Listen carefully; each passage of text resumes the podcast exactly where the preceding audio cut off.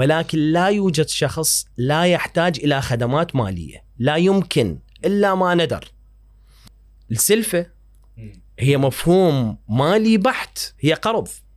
بس هو بالعكس لو قرض أنت تأخذه بالبداية أول اسم.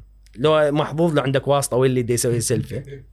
أي مؤسسة تأخذ ودائع من المواطنين فعلى المشرع وعلى الدولة أن تحمي المواطن من أن أي انهيارات قد تحدث لهذه المؤسسة المالية تؤثر على آلاف الناس. فبالتالي من واجبات البنك المركزي العراقي أن يحمي الزبون من خلال تنظيمه لعمل المؤسسات المالية.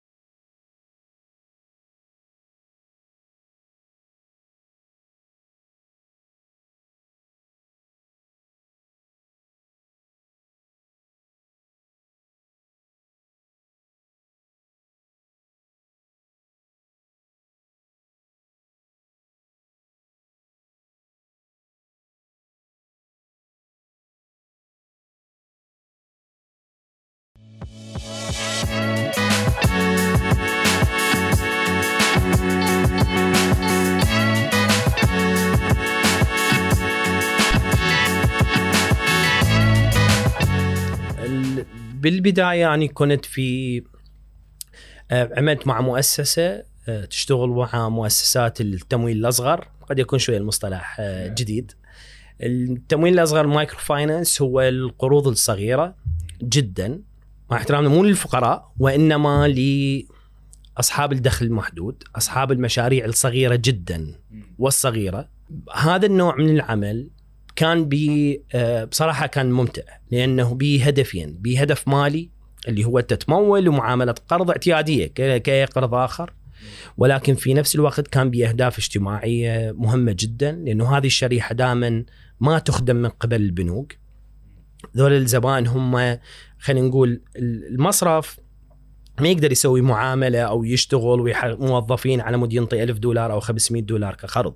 أه، هذه التجربة طبعا أتاحت لي بأنه أني أزور أكثر ال- المحافظات العراقية أه، لأنه كنا نطلع تقييم على هذه المؤسسات اللي تمول هذه القروض أه، وكانت أيضا في التجربة مهمة جدا بحياتي لأنه يمكن إحنا كثير من انطباعاتنا للأسف على كثير من المحافظات هي خاطئة سواء من ناحية جمالية هذه المناطق أو من ناحية آه، الناس اللي بيها ببساطتهم وعفويتهم.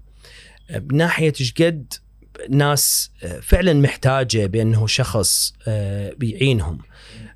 رغم كل الكلام اللي يصير دائما عن اي قطاع مالي في الكرة الأرضية كلها مو بس بالعراق. ولكن أنا أعتقد المؤسسات المالية تقدر تلعب دور مهم جدا في تحسين حياة الإنسان. سواء بالخدمات اللي تقدمها بمختلف أنواعها سواء بدعمها أو مساندتها على المستوى الشخصي أو على مستوى الأعمال. كنا اولا نقيم هذه المؤسسات اللي تعطي هذه القروض وبعدها كانت انتقالتي إلى خلينا نقول مجتمع المدني بشكل مباشر تأسست مؤسسة اسمها الشبكة العراقية للتمويل الأصغر اللي هي خلينا نقول الجمعية أو الاتحاد لهذا النوع من المؤسسات اللي عددها 12 آه، تعمل في العراق آه، فاني كنت في مرحلة التأسيس وبعدها صرت مدير لهذه المؤسسة لفترة أعتقد آه، ثمانية ثمانية أشهر بالنسبة لك شنو كان الصعب فعلا من إنه تربط هاي المؤسسات سوية؟ طبعا أي عمل نقابي أو اتحاد أو جمعية مثل عملي هسه ابدا مو سهل لأنه إرضاء كل الشريحة المحيطة بك مسألة صعبة. يعني مسألة آه، مو سهلة لأنه أكو أهداف تختلف أكو مزاجيات تختلف. اولا لازم تحدد مهامك تماما وتلتزم بيها اللي يوافقون عليها أعضائك. يعني اني ما أريد آخذ لا أكبر من حجمي ولا أقل من حجمي. لازم تكون عندي مهام واضحة جدا أحدد هذه المهام وألتزم بيها تماما. إذا نقدر نتوجه لرابطة إيه. فبعد شغلك بهاي الشبكة أخذت منصب مدير لرابطة المصارف العراقية الخاصة العراقية. آه، أول شيء هي شنو رابطة؟ شنو دورها؟ وشنو دورك كان بيها؟ نعم. رابطة المصارف هي جمعية أو اتحاد للمصارف الخاصة في العراق آه، البرايفت فقط. آه، هذه المؤسسة بدأت من 2004 هي يعني تمارس عملها كجمعية للمصارف ككيانات مصرفية وليس كأفراد عاملين في المصارف. هي شوية يختلف النموذج عن نقابة الصحفيين أو نقابة الفنانين أو نقابة المهندسين أو المحامين. رابط المصارف هي اتحاد أو جمعية للكيانات المصرفية كمؤسسات. باختصار تعمل كوسيط يعني نقول بين القطاع المصرفي وبين المؤسسات جميعها أهمها طبعا البنك المركزي العراقي ولكن أكو مؤسسات أخرى وزارة المالية، وزارة التخطيط، المؤسسات بمختلف أنواعها، فإحنا بالوسط تقريبا. لا نشرف لا نراقب عمل المصارف وإنما إحنا نساهم بأن يكون هناك قطاع مصرفي أفضل. إن كان بانه ناخذ مبادرات أو رأي البنك المركزي العراقي أو المؤسسات الأخرى الحكومية وغير الحكومية وننقلها للقطاع المصرفي بشكل مبسط وواضح ونحفزهم بأنه يعملون بها وعلى العكس هذه المصارف أحيانا تحتاج إلى أن توصل صوتها أو رأيها بشكل جماعي، يعني مسائل لا تخص مصرف واحد وإنما تخص هذا القطاع. فما تجي هذا ما يجي هذا الرأي من مؤسسة واحدة تمثل جميع هذه المصارف للمؤسسات الحكومية أو المؤسسات الأخرى هذا الرأي بالتأكيد قطعا حيكون ذو قيمة أعلى. ليش؟ إنه إحنا مو أصحاب مصلحة مباشرة. يعني أنا اليوم أكو مصارف مثلا عندها تعليمات معينة بالقروض أنا ما أقرض ولا أقترض. بس آني هذه مصلحة أعضائي كأعضاء أه من أنقلها إلى هذه المؤسسات آني ما مستفيد مباشر من العملية. يعني اليوم إذا مصرف إكس وراح أخذ هذا الرأي إلى أي مؤسسة أو إلى البنك المركزي على سبيل المثال قد تكون إلى غايات تخص له كمصرف قد تكون. ولكن من يجي الرأي من عندي كمؤسسة يكون ب خلينا نقول تأثير أكبر على عمل القطاع. فبالتالي قدرنا بأنه نخلي نفسنا بهذه المساحة. إذا شوية نفوت أكثر بدك تحكي عن العلاقة بين القطاع المصرفي وبين المؤسسات الحكومية. نعم. سواء البنك المركزي أو وزارة المالية والتخطيط وغيرها. أه، أول شيء بالنسبة لك وهذا سؤال وجودي وعميق كلش أه، شنو شنو بالنسبة لك هو مصرف؟ وشنو يوفر؟ لأن هذا موضوع إحنا هم نناقشه. فرق بين المحفظة وبين المصرف وش وقت تعبر إلى أنه توصل الم... بس هو بشكل عام زين. ليش نحتاج أصلا مصرف يعني؟ التعريف بس الأكاديمي قد يكون أو اللي تقرأه. يقول لك المصرف المصرف هي مؤسسات مالية وسيطة بين وحدات الفائض ووحدات العجز. هسه شوي هم معقد كل شفت هذا. زين. أوكي وهذا جواب عميق مثل السؤال؟ أوكي. وحدات الفائض يعني المصرف هو مؤسسة مالية وسيطة بدت بالبداية. هذه أكو ناس عندهم هواية أموال فائضة يجي المصرف ياخذها. أكو غير ناس محتاجين هذه الأموال يقرضوا إياه المصرف. هذا كلش بي هذا أبسط تعريف ممكن أن تلقاه لي- للمصرف. وبالتالي مارس عمله وبنى المصارف على هذا الأساس مم. هذا البيسك. ولحد الآن تقوم طبعا هي بهذا الدور بس ما صار هو الدور الوحيد. صار أكو بيه أدوار كلش هواية بعد غير إنه يضم فلوس الناس وينطيها لناس محتاجيها. أكو ناس ما محتاجين الفلوس تكون عندهم يريدون يضموها بالمصرف. المصرف ياخذ هذه الأموال يضمها يروح يعطيها الناس محتاجين هذه الأموال يقرضها وهو يستفاد من الفرق بين ما يعطيه من فائدة إلى المودعين والمقترضين من جهة أخرى. بس إذا تقول لي معنويا إنه شنو المصرف؟ أنا أشوف المصرف أني شلون أشوفه؟ مو أشوفه بالواقع هسه أنا شلون أريد أشوفه؟ أريد أشوف المصرف هو مؤسسة تنظر إلى حاجات الأفراد أو أصحاب المشاريع اولا. والأفراد. من الناحية المالية وتلبي هذه الاحتياجات. هسه شنو هي هذه الاحتياجات؟ كلش هواية صارت هسه. ليش؟ لأنه هسه ماكو شخص بالعالم مهما كان غني أو فقير قد أكو اختلاف ب احتياجه. ولكن لا يوجد شخص لا يحتاج إلى خدمات مالية لا يمكن إلا ما ندر. والخدمات المالية قد تكون إيداع أو آه، إنه ياخذ قرض أو تأمين أو يحتاج يستخدم بطاقة أو يحتاج يشتري أونلاين. يعني اليوم أكو طفل عمره عشر سنين يشتري games online وهذه البطاقة هي صادرة من مصرف أو من خلال مصرف أو الترانزكشن دي يصير من خلال المصرف اللي هو ما يدري بيه هو بس دي يكتب الرقم السري. ولكن بالتالي الجميع لديهم احتياجات مالية. الكل اطلاقا. هذه الاحتياجات المالية الآن تلبى أحيانا. إن لم يكن هناك قطاع مصرفي يخدم هذه الاحتياجات تلبى بطريقة أخرى. السلفة هي مفهوم مالي بحت هي قرض. بس هو بالعكس لو قرض أنت تأخذه بالبداية أول اسم. لو محظوظ لو عندك واسطة ولا اللي يسوي سلفه دا تاخذه بالبداية. حتى حتى بس نعرف السلفة. إيه. أنا ما أقدر أعرف. أنا قبل شهرين عرفت هي شنو السلفه بالمناسبة. إذا مجموعة من الأشخاص كل شخص كل شهر يعطي دفعة معينة. وواحد من الأشهر هو يستلم هذه الأموال. فبالمحصلة هو حيستلم بقد ما دفع. أو حيدفع بقد ما يستلم بالأخير. السلفه فإذا- هي منتج مالي. طبعا إذا استلمت أنت الأموال بالبداية وحتسدد إلى أن تنتهي السلفه فهي قرض. إذا أنت استلمت أخير واحد وبديت تسدد بالبداية إلى أن تستلم هي كأنما تودع أموالك أنت في مؤسسة مالية وجيت ورا ست أشهر تريد تستلم فلوسك وتاخذها وتروح. فبالتالي المجتمع يلبي الاحتياجات المالية ولكن قد تكون بصورة غير رسمية أو من غير قنوات المالية الرسمية ولكن هي تلبى. اليوم أنت تيجي تحول أموال على سبيل المثال. تدزها بيك شخص أكو شخص بهذه المحافظة تقول له انطيه 200 دولار وأنا حطي لاخوك هنا 200 دولار. أنت تسوي عملية تحويل ولكن مو من ضمن القنوات الرسمية. هنا هذه مسألة حمايتك كمستهلك أو كزبون قد لا تكون بالمستوى المطلوب لأن لا يحددها تشريعات أو قوانين أو تنظيم معين.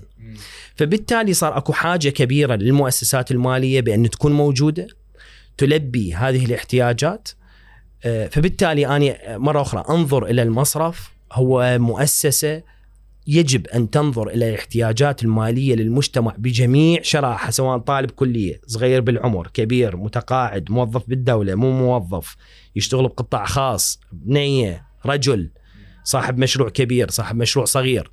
وتلبي هذه الاحتياجات من خلال منتجات متنوعة جدا يعني بالعشرات مو منتج واحد آه، أو اثنين. فبالتالي أنا جزء من طموحي على المستوى العملي والشخصي أن يكون للقطاع المصرفي العراقي دورا مؤثرا في الاقتصاد بشكل عام وفي حياة الأفراد، هسه هذا ليكون صريح غير موجود بالمستوى الكافي حاليا. يحتاج لنا كثير جهد عمود نوصل إلى هذه المرحلة ولكن يعني نوصلها وممكن لاحقا في هذه الحلقة نحكي أكثر شوي عن هذا الموضوع. حلو. أه حكينا هسه عن المصرف. راح نحكي عن مشاكل أكيد بس إذا على العلاقة بين المصرف والمؤسسات الحكومية فاليوم همينا نقدر نسأل ليش أكو مؤسسات حكومية دا تشرع أو دا تسوي نوع من الريجوليشن حول هاي المصارف؟ ما نقدر بس نمشي بمصارف واحدة هي هيك ليش أكو بنك مركزي مثلا؟ بالتأكيد ما تقدر لأنه اولا المؤسسات اللي تعمل أو المصارف على وجه الخصوص ما راح أتحدث عن القطاع المالي. هذه المؤسسات عداك عن إنه بالتأكيد يجب أن تنظم. هذا التنظيم آه، حيأثر على المنافسة طريقة العمل نوع المنتجات عدم استغلال الزبون آه، حماية المستهلك العلاقات الخارجية إلى آخره. ولكن أخطر مسألة في القطاع المصرفي هي ودائع المواطنين. أي مؤسسة تأخذ ودائع من المواطنين فعلى المشرع وعلى الدولة أن تحمي المواطن من أن أي انهيارات قد تحدث لهذه المؤسسة المالية تؤثر على آلاف الناس.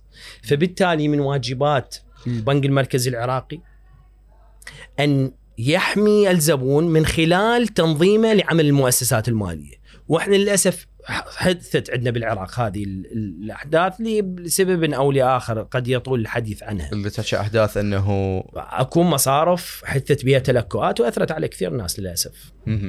أوكي فدور البنك المركزي هو أنه يأسس نظام يخلي المصارف تقدر تعتمد عليه في حال إنه تلكأت أو في حال خلينا نقول إنه الناس ودعوا فلوسهم بيها والفلوس صحيح. هو يحمي النظام قبل أن يتلكأ يحاول أن يحمي هذا النظام المالي قبل أن يتلكأ آه، بالتالي أكو رقابة مشددة على عمل مصارف. طبعا إحنا آخر حادثة صارت عندنا يمكن قبل يعني أعتقد ست سنوات أو أكثر ولكن تاثيراتها لحد هذه اللحظة. واول حادثه صارت عندنا واحد من المصارف قبل 13 سنة أو 14 سنة ولحد هذا اليوم تاثيراتها موجودة.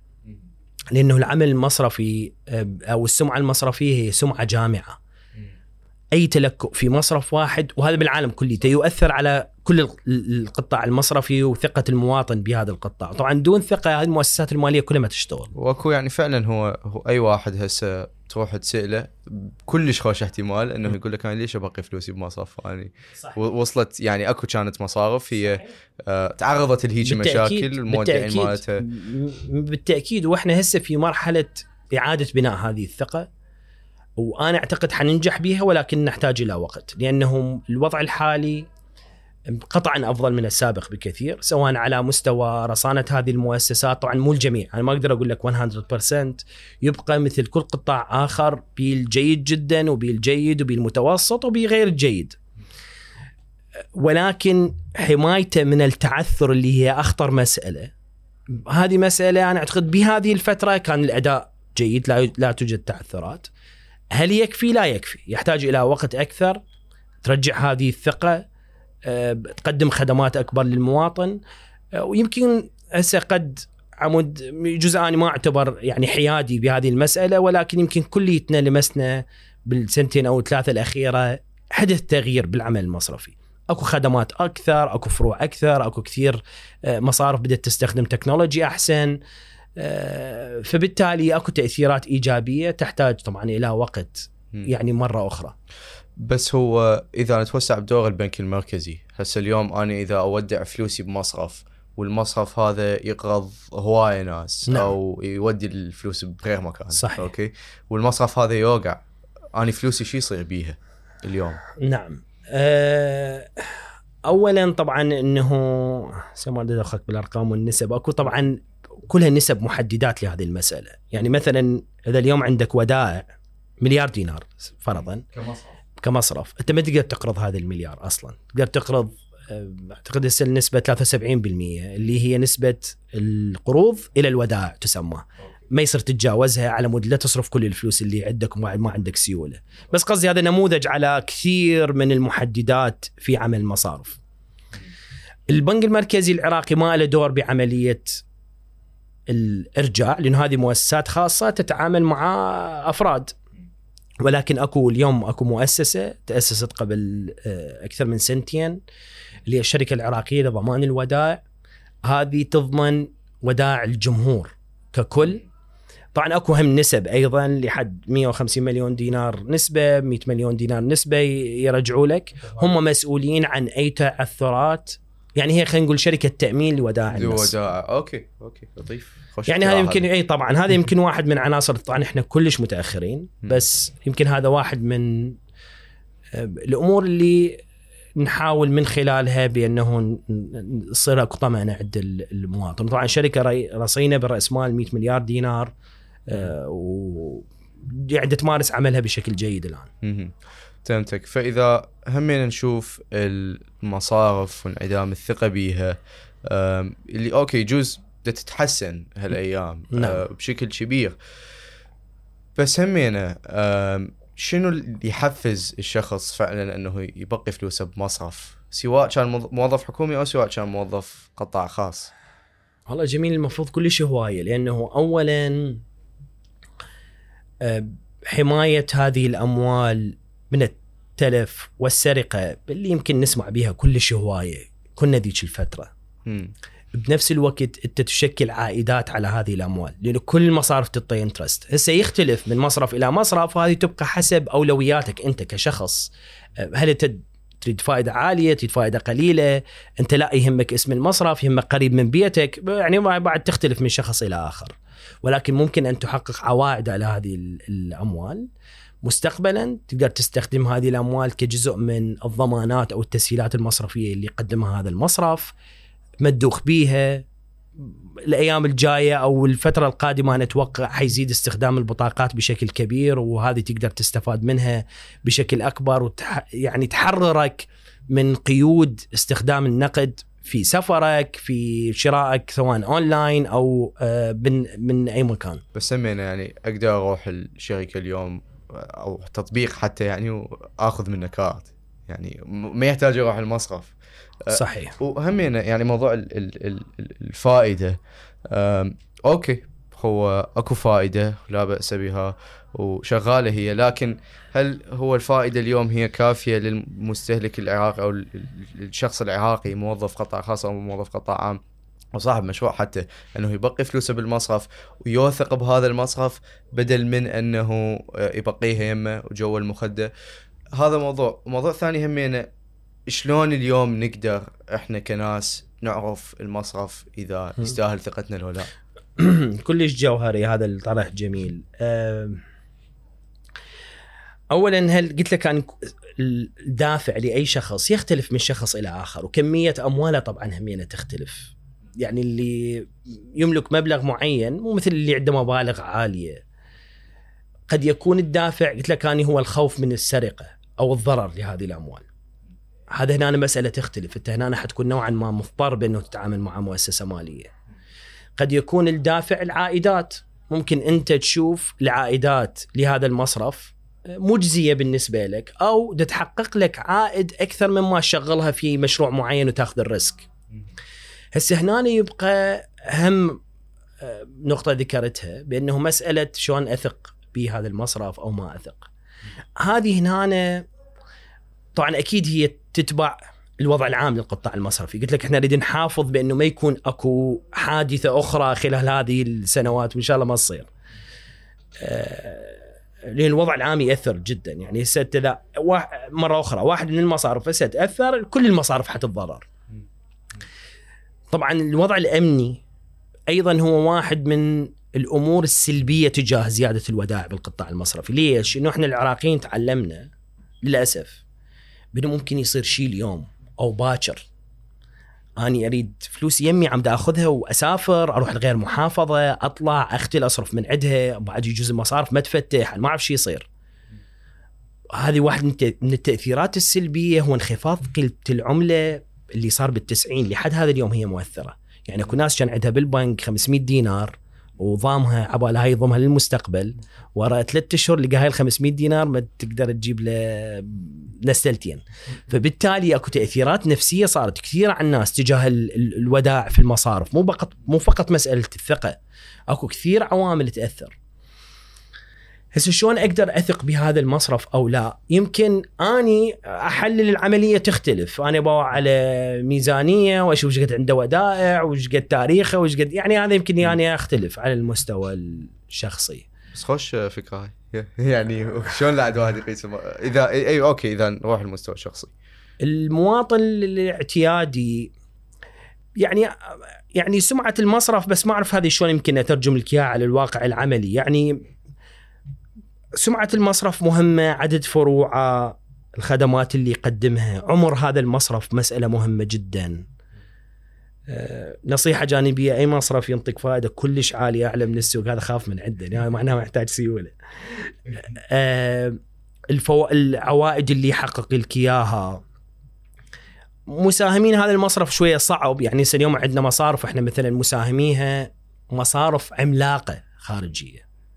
آه، يعني عندنا واحد من المصارف مثلا أكبر مصرف في الوطن العربي ومصرف قطري هو مساهم به وعندنا مصرف أردني مساهم في مصرف عراقي وعندنا مصرف بحريني مساهم في مصرف عراقي وعندنا مصرف كويتي الحالات؟ هالشيء يوقع أكو جهة طبعا بالتأكيد طبعا. طبعا بالتأكيد قطعا. أنا ما أفضلهم على الباقين ولكن ذولا لهم يعني أيضا ثقل كبير في آه، عنصر الثقة. بس إحنا اللي نتوقع أو اللي نطمح له إنه ماكو شيء اسمه ياهو أكثر مصرف أثق به. الثقة يجب أن تكون هذا خط الأساس خط الشروع. فوقها ما موجود من خدمات إيه ممكن. المفروض الثقة تكون بالكل وهذا اللي إحنا دا نبنيه حاليا. هسه هذا خدمته أحسن هذا أسرع هذا عنده موبايل ابلكيشن هذا ما عنده هذه ممكن أتفهمها وممكن تكون خياراتي أو اختياري للمصرف مبنيه على هذا الأساس. بس مال أثق بيه لو ما أثق بيه للأسف إحنا ما نريد نكون في هذه الخانة. إحنا موجودين بها حاليا الصراحه. ولكن ما نتمنى انه نكون بها. إذا فعلا هو صار الخط الأساس خلينا نقول إحنا نثق بكل المصارف. بالكل نعم. ذاك الوقت راح نقدر نفكر فعلا أنه يا مصرف هو يوفر الخدمة الأحسن، المنتج المالي الأحسن، بدل ما نقول والله هذا مصرف هو مو فد شيء منتجاته بس إحنا نوثق به. آه إذا نرجع لدور الرابطه نعم. فاليوم هي اللي تنظم علاقه أو هي واحدة من منظمي العلاقة بين المصارف الخاصة وبين البنك المركزي. والمؤسسات الحكومية كلها. stakeholders شنو يعني؟ stakeholders أصحاب الشأن أصحاب الم... okay أصحاب الشأن إي أص... أص... ما أعرف. أصحاب ال stake. آه، okay. صدق ما دام إحنا بطاري المصارف الخاصة المصارف الحكومية وينها من هاي المعادلة؟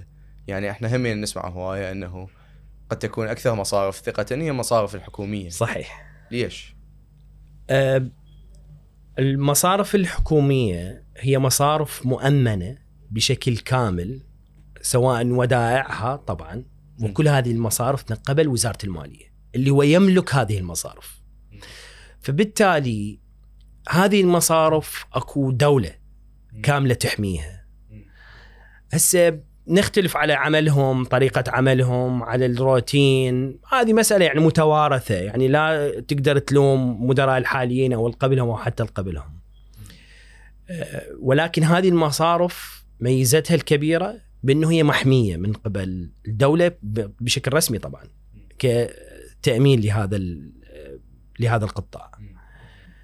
هسه ليش إحنا خاصة ليش أكو حكومية ليش كذا؟ شنو هالتفرقة؟ إحنا بالنسبة لنا القطاع المصرفي العراقي هو قطاع واحد سواء حكومي أو خاص. فرع لمصرف أجنبي مصرف إسلامي مصرف تجاري. بالاخر هو قطاع مصرفي. انت انت كجميل ما يهمك هذا الموضوع أنا ممارد خدمة. مو هذا شنو اسمه؟ عفوا أو شنو نوعه؟ أكو ثقة. أنا أريد خدمة. انسان رافدين حكومي أنا أروح على مصرف خاص. ولكن اللي ما أسست عليه رابطة مو أني ما أسست عليه قبل ما أجي.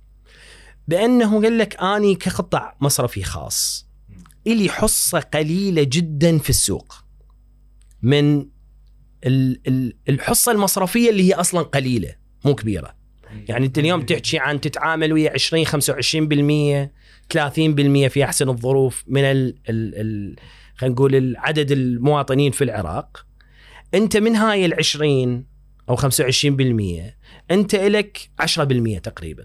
فبالتالي 20 قصدك 25% هم شنو من الادولتس الادلتس نعم. أوكي أوكي و10% من البالغين. البالغين. 10% 10 إلى منهم؟ 15% من عندهم هم تعاملاتهم مع القطاع المصرفي الخاص، السالي تتراوح طبعا حسب الخدمة وهذا بس أنا أحكي لك بشكل عام كوداع على أقل تقدير. 10% من البالغين تعاملهم ويا 10% قطاع من ال مصرفي خاص. 25% طبعا. أوكي فبالتالي هذه فد نسبة قليلة جدا، 10 من ال 25 يعني مو يعني يعني إيش قد 2.5 يعني ممكن. أوكي فبالتالي آه فبالتالي يحتاج القطاع المصرفي الخاص إلى وسائل دفاع أكبر عمود ينمو هذا القطاع مو على حساب القطاع المصرفي الحكومي ابدا ولكن على تحقيق منافسة عادلة مع هذه الأطراف.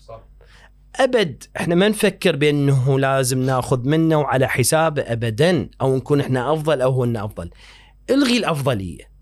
لا يكون لا للقطاع المصرفي الخاص ولا للحكومي أفضلية، سواء بالتعاملات الحكومية أو بالتعاملات مع القطاع الخاص أو بالتعاملات مع الأفراد.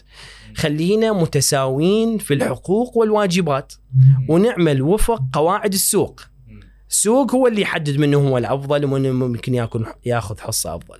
فبالتالي هذه المؤسسة كان دورها بزيادة حصة القطاع المصرفي الخاص ولا إحنا في نشاطاتنا في عملنا بالعكس متواصلين مع المصارف الحكومية ويحضرون كثير من الجلسات والورش والمؤتمرات ونتعاون وياهم بشكل كبير جدا. بس هي الوضعية من الأصل مو عادلة من دا تحط مصارف حكومية مكفره بشكل كامل من الدولة صحيح. مقارنة صحيح. بمصارف قطاع خاص اللي هي جزء منها أتفق أك- وياك. أكو حدود لها بس يعني بالمحصلة هي شوية آه، منطقة رمادية موضوع الثقة بيها صحيح فاي أكيد فشي كلش مهم ممكن يكون أنه يكونون على خلينا نقول أساس واحد level playing ground إلى حد. ما يعني يحتاج لوقت هذا الموضوع.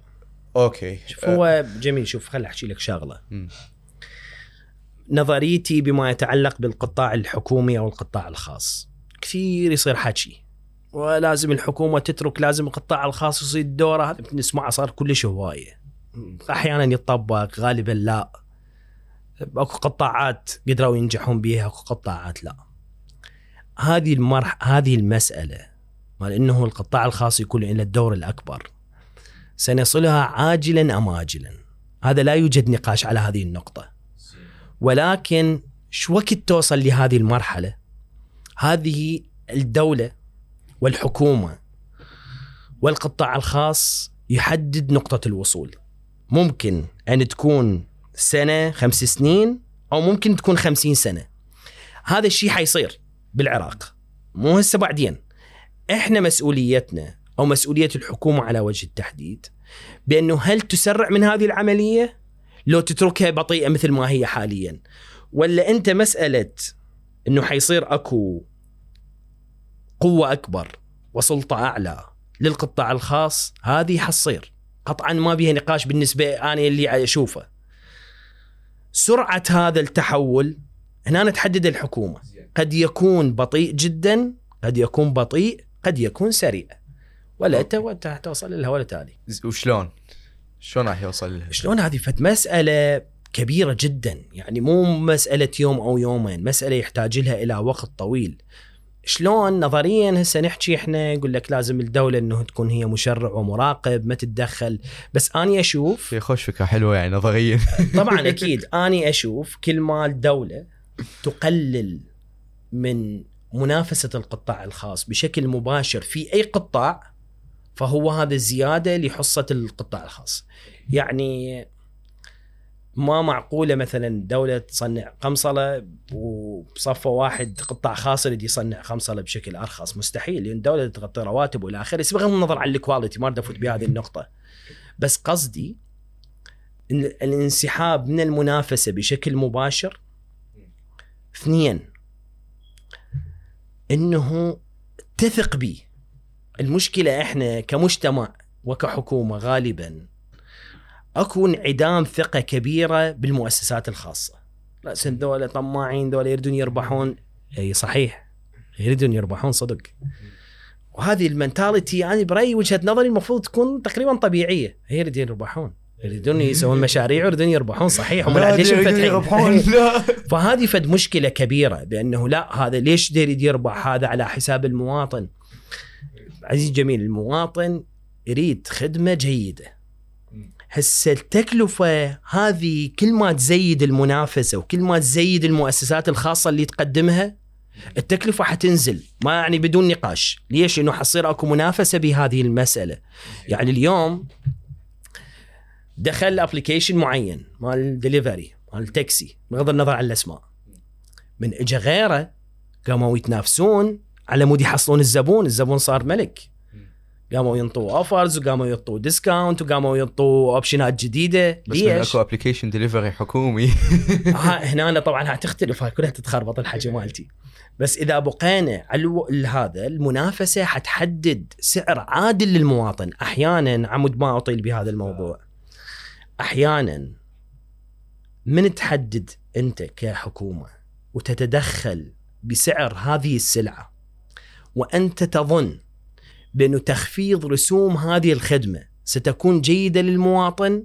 أنا باعتقادي الشخصي لا. واقول لك شلون.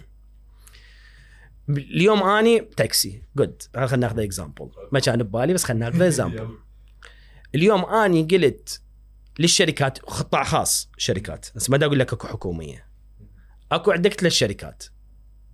تقول لهم آني ما يصير تربحون في أي trip أو أي نقل شخص أكثر من 500 دينار فرضا تمام ليش؟ لأنه أنت تخاف على المواطن تريد يستفاد شنو اللي حيصير؟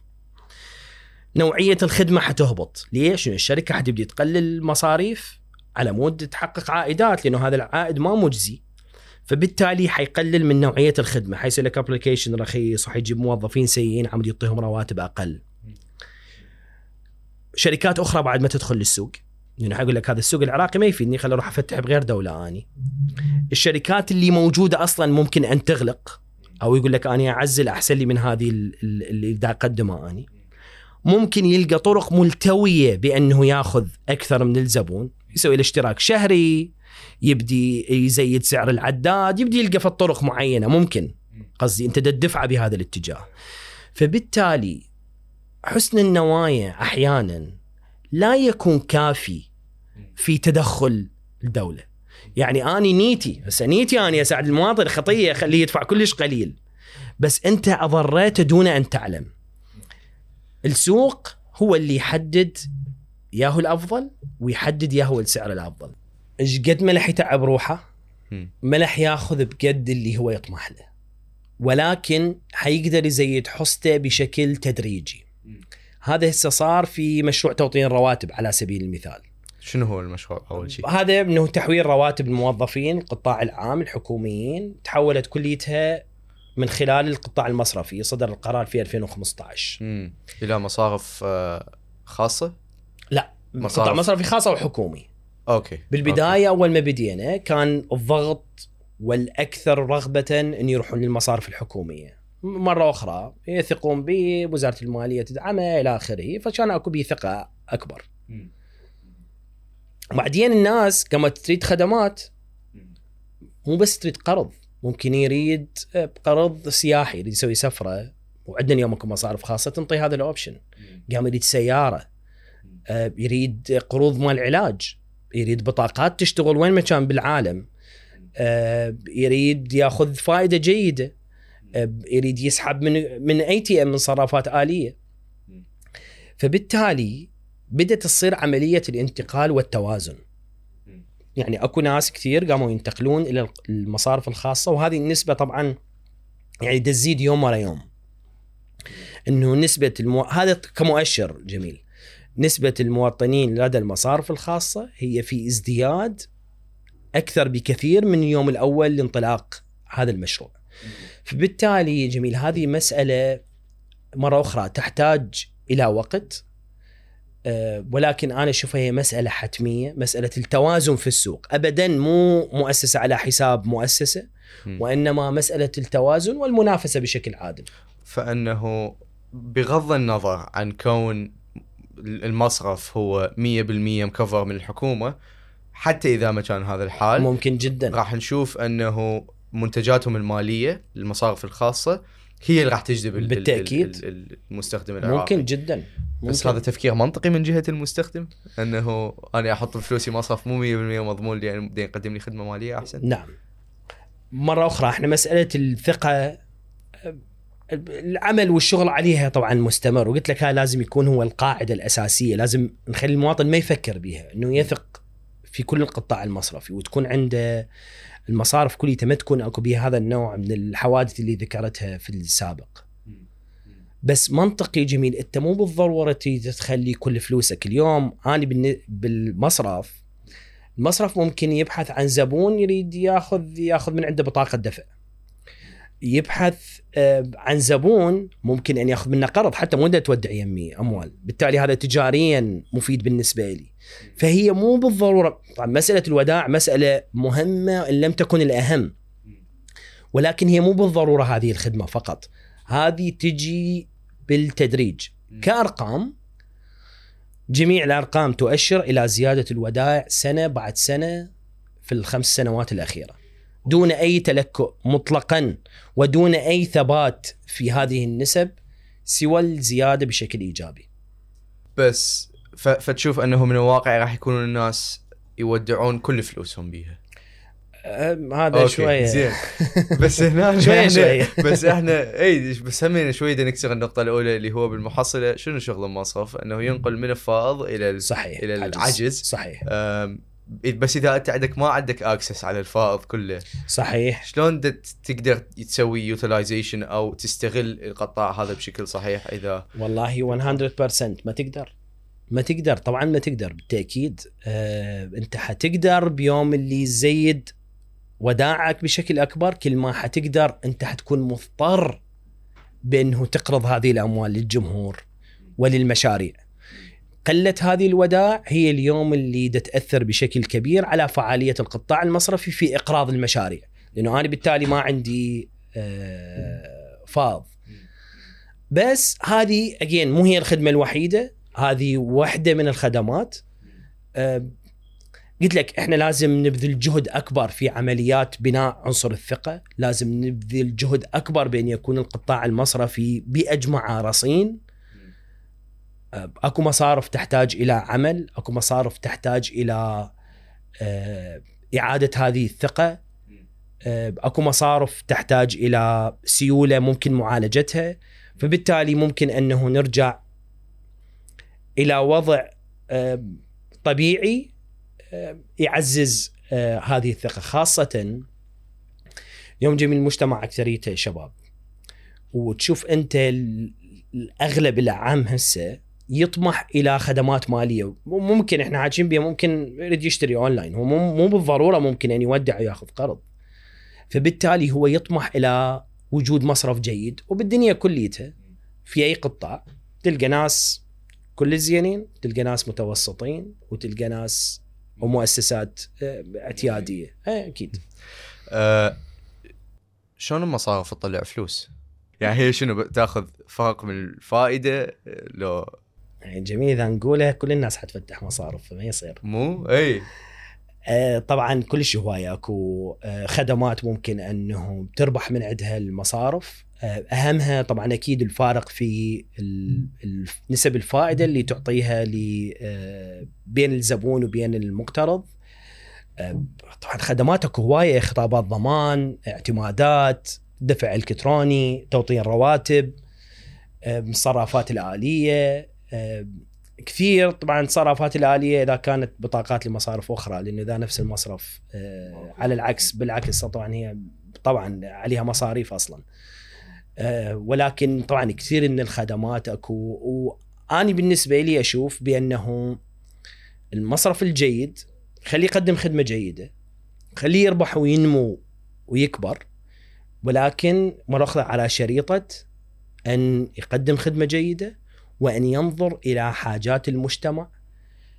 يمسني جدا من أشوف أني كثير من المشاريع الناشئة.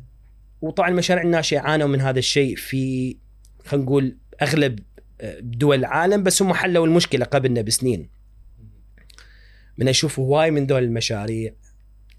بيسأل يتوسط يطلب للأسف طبعا إنه يريد تمويل من المصرف يعني أنا بداخلي أقول أكو تقصير. يعني هذا هذه هذا النوع من المشاريع.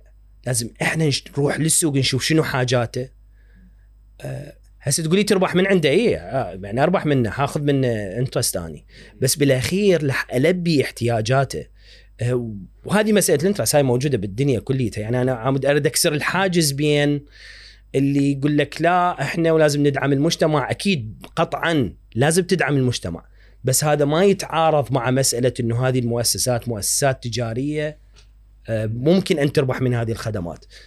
المهم بأن تحل هذه المشكلة. هسه إيش قد أكو عليها رسوم هذا قرار الشخص نفسه. أشوفه بالنسبة لي مكلف ما يفيدني ما أخذ القرض انتهى الموضوع نقطة أشوفه بالنسبة إلي مجدي مفيد لح أقدر أربح عشرة أضعاف إذا اليوم أنا عندي ماكينة ودا أبيع هذا النوع من وهي قصة حقيقية. من الأكواب أي. صارت كورونا واجى شخص قال أكو طلب صار كبير على هذا النوع من من الأكواب اللي هي من الكرتون يعني تدري الناس قامت تستخدمها بشكل أكبر. طبعا مو من عندي من أحد المصارف. فأني اريد أشتري ماكينة لخ لأنه هاي الماكينة اللي عندي كلش صغيرة. وما كنت أشتغل عليها هواية فأريد وحدة كبيرة توصلني من الصين ب 40 50 يوم ما أتذكر بالضبط. بس أريد أنتج كلش كمية كبيرة. لأنه حاجة السوق صارت كلش هواية. هسه هذا الشخص قد يكون بالنسبة إلى مسألة تقول لي أنا حاخذ 3% أو 4% مو مهمة بالنسبة له بقد ما هو يريد يحصل الماكينة اليوم. مو الشهر الجاي اليوم. أريد أروح اشتريها اني لأنه أني أعرف خلال مدة القرض اللي هي ثلاث سنين أني حطلع بقد القرض والفائدة عشر أضعاف. فانا أريدها اليوم. فبالتالي هذا قرار على المستوى الشخصي للفرد. للأسف هوايه يصير عندنا حالات. بانه يجيك يقول لك المصرف الفلاني إنه ياخذ فائدة 30% و40% واني يعني لازم أقولها بشكل صريح غالبا تصير مع المصارف الحكومية هذه وغالبا تصير مع المواطنين رواتبهم وغالبا بالقروض الشخصية. فيجيك ورا سنتين يقول لك أنا دا أسدد وما دا ألحق أنت كان المفروض من البداية طبعا هذه مسؤولية المصرف بس قصدي على المستوى المواطن من البداية إيش قد فائدة؟ إيش قد حسدد بالشهر؟ شو وقت يسدد القرض؟ بالتالي أنا أعرف الواجبات والحقوق اللي علي وأبدي أحسب حساباتي هل هذا مجدي بالنسبة لي لو لا. مو آخذ القرض ورا ثلاث سنين أجي أقول هاي الفائدة كلش عالية هذه أذتني حقك أنت وأنت فعلا تعرضت إلى مسألة لا يجب أن تتعرض لها لأن لازم المصرف يوضح لك كل شيء. بس عفوا أنت من مسؤوليتك الشخصية أيضا بأنه شوف هذا المنتج إيش قد كلفته عليك وإيش قد لازم تسدد بالشهر وبالتالي تأخذ الخيار الصحيح. إحنا من باب الطرفه آه، قبل تسجيل هاي الحلقة آه، كنا راسا نحكي ويا صاحب مشروع آه، كانت نهاية حلقته كلها شكوى عن المصارف. وعن إنه شلون هو عنده ثقة عالية كلش بإنه هذا الشيء مالته مشروع بده يوسع به راح يطلع فلوس. زين. نعم. جدا واضح بالنسبة له هالشيء بس عنده مشكلة بالتمويل. وهي شغلة ويا أي صاحب مشروع رائد اعمال سواء بهاي الفقاعة التكنولوجية أو سواء مشاريع صحيح. تقليدية صحيح. تريد قروض آه تريد تمويل من مصارف وما تقدر تحصل آه يستدعي السؤال هو ليش هيجي نظامنا مال قروض قد يكون قديم. زين؟ يعني هواي مرات نحكي عن نظام الضمانات آه اللي هو إنه لازم إذا تريد تقترض شيء تجيب موظف من الحكومة وهو يكفل القرض اللي تأخذه وغيرها وغيرها يعني من الشروط الصعبة. آه شو جميل. أنا هم زين أنتم مسجلين الحلقة فاني قلت لك بأنه هواي أكو يجون أصحاب مشاريع يشوفون أكو صعوبة بأنه يحصلون قروض. وهذه لها أسبابها احاول أوجزها بشكل سريع جدا. الأول مشاريع هسه نحكي الناشئة أو رواد الأعمال. طبيعة مشاريعهم تختلف عن المشاريع التقليدية. اللي متعلمين عليها المصارف. في أي مكان بالدنيا بس قلت لك خارجيا تجاوزوا هذه المسألة إحنا بعدنا ما متجاوزين. إذا نعوفهم ذولا. يعني اليوم يجيك شخص يقول لك أنا عندي مشروع وكذا ما أدري شنو تقول له وين المشروع؟ مثلا يقول لك هو mobile application ترى. إذا نعوف ذولا. إي. ذولا هيك شاخطين أكيد. نحطهم على ال side. مو بالضرورة المقرض أو المؤسسه المالية حتتفهم هذه المسألة. هسه نحكي بشكل عام بالنسبة للمشاريع. بوجهه نظري الشخصية العملية من الواقع بدون إنشاء وبدون تعديلات. الوضع العام في العراق اللي موجود من مرينا به من الناحية الأمنية والقانونية والعشائرية والمناطقية وقلة البيانات والمعلومات إيش خلتنا كمؤسسات مالية. محافظين. نخاف بالضبط نخاف وأيضا عندنا نوع من هز الثقة بإعطاء القروض. شو أنت ما تثق تعطيني فلوسك يمي أحيانا؟ أنا قمت ما أثق أحيانا بأنه أني أخلي فلوسي يمك لأنه هذه فلوسي أنا مؤتمن عليها. من قمت أخاف إيش سويت؟ أنا لازم انطي قروض أريد أربح بس إيش قمت أسوي؟ قمت أخلي لك عشر شروط على مود اعطيك هذا القرض على مود أني امن نفسي قدر الإمكان. كمية هذه الشروط وأهمها الضمانات بدأت تصير عبء لأنه جميع يجوز عنده مشروع كل الزين وربحان كلش حلو هذا المشروع بس ما يعرف موظف حكومي ما يعرف ما عنده لا بقرايبه ولا اصدقاء ما عنده أحد أو ما عنده عقار يرهنه. ما عنده ضمانات. عنده يجوز يقول لك أنا أشوفك بيانات أوقع لك على العقد ما عندي مشكلة. بس ما أقدر أجيب لك كفيل. أني شلون أشوفك؟ أني أشوفك بأنه أنت شخص حتاخذ حتجي هنا تريد من عندي فلوس وأني والله يخليك وأني ربحان وأني لازم تساعدني وكذا. أني من اباوع عليك أشوفك كشخص يجوز ياخذ هذا القرض بعد ما أشوفك. خبر عليك ما تجاوبني بالتليفون. فأني أخاف قمت من عندك. خايف إنه تحكي. بسيطة مو؟ لا هي كانت شوية أقوى بس خففتها. لا أوكي. فقمت أشوف بأنه أنت كشخص ممكن ما تسددني هذه الأموال فأنا إيش أخلي؟ أخلي عليك شروط تضمن لي شوية قدر الإمكان تقلل لي المخاطر من إنه آني أنطيك هذا القرض وآني نوعا ما ماكو شيء اسمه 100% إذا أريد أضمن 100% معناها ما انطي قروض. لو على سبيل سويسرا ماكو واحد يقدر يصير risk free إنه بدون مخاطر. بس آني أحاول قدر الإمكان بأنه أقلل المخاطر. تقليل هذا المخاطر سوى عبء على المقترض. يعني صارت هواية مصارف. قبل ما يعرف فكرة مشروعه قبل ما تحكي له وتقول له آني زين وربحان والله وفكرة مالتي عظيمة.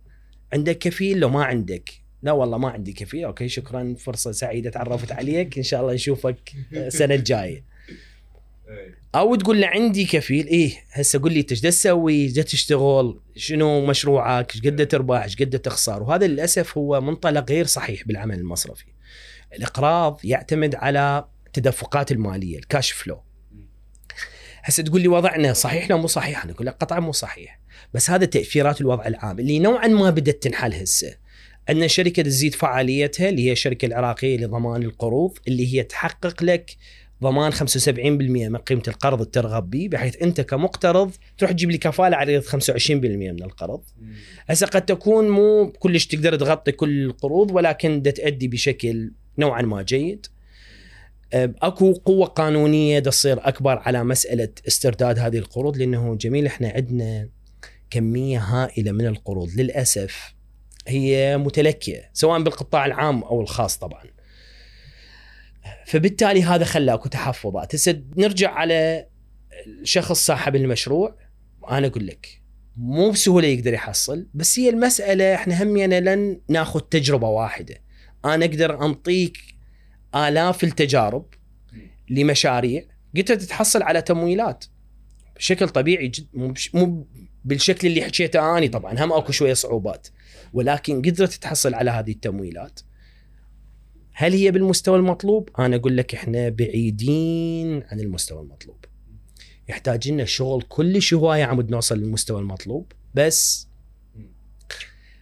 هذه مسألة تجي مع الاستقرار الأمني والاستقرار آه، في المنظومة المالية بشكل عام. طبعا أخيرا أنا ما أنسى هاي النقطة. إحنا قاعدة بيانات. طبعا هذا يعني مفتاح للعملية.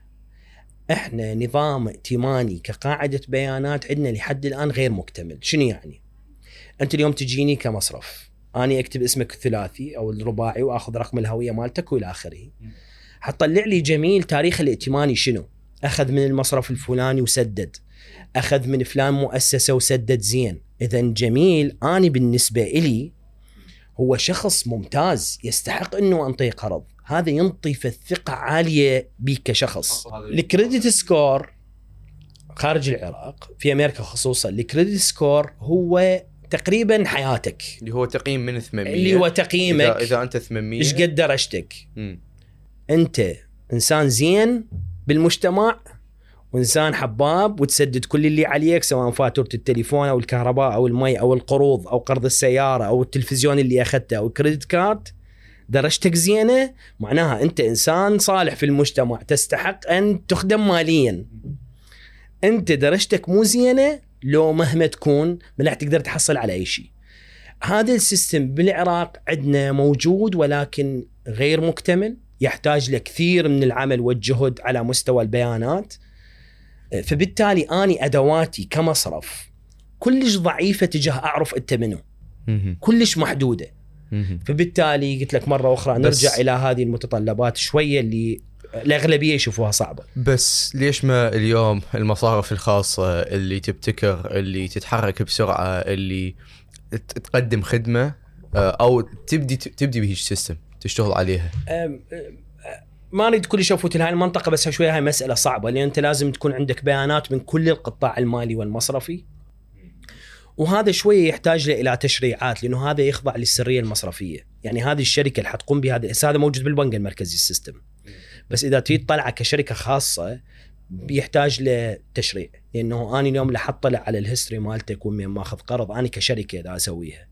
لحط له على جميل إيش قد عنده وإيش قد أخذ قرض وإيش قد سدد وين سدد ومين أخذ. فبالتالي شوية بيها يعني أكو تداخلات مع مسألة مسألة السرية المصرفية. طبعا هوايه دول بالعالم بالمحيط مو بالعالم. هي طبعا هذه الشركات هي قطاع خاص مضبوط. بس أكو فد جرني قبلها أكو فد رحلة يلا توصل هذه شنو المانع هسه المصارف الخاصة أنه تبدي بهالرحلة؟ بصراحه أنا يعني مشتغلين على هذا الموضوع المسألة تحتاج إلى تعليمات وتشريعات. ويعني أكو هيج توجهات ما راح نشوفها بالقريب العاجل ولكن تصير. أوكي. بس ليش؟ ليش جميل؟ مرة أخرى قلت لك أني أنت أولا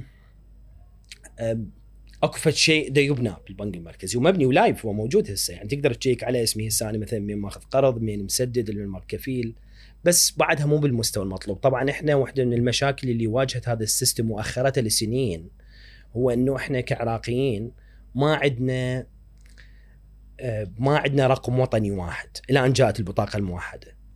قبلها سابقا أنت تدري تقدر تكتب اسمك بطريقة ك database ممكن أن يختلف شخص عن آخر أو يصير تداخل أو هويتك إذا اعتمد رقم هويتك هويتك ممكن تبدلها. جوازك تبدله شهادة الجنسية تبدلها. ماكو شيء ما يتبدل بيك. صح. يبقى بس اسمك الثلاثي أو الرباعي وهذه مسألة معقدة حتبدي يصير تشابه أسماء. تحول إلى رقم هسه. آه، الرقم يخدم هذه العملية بشكل كبير بس أنت ال history مالتك بالسنين السابقة كلها يعتمد على الأسماء فقط. فقمنا شو نسوي؟ ياخذ أكثر من عامل. أو أكثر من indicator عم تعرف هذا الشخص منه. مثلا اسمه واسم والدته ورقم هويته أنا تقدر تقول هذا هو فعلا يعني هذا جميل نفسه اللي قاعد قبالي. وصلت.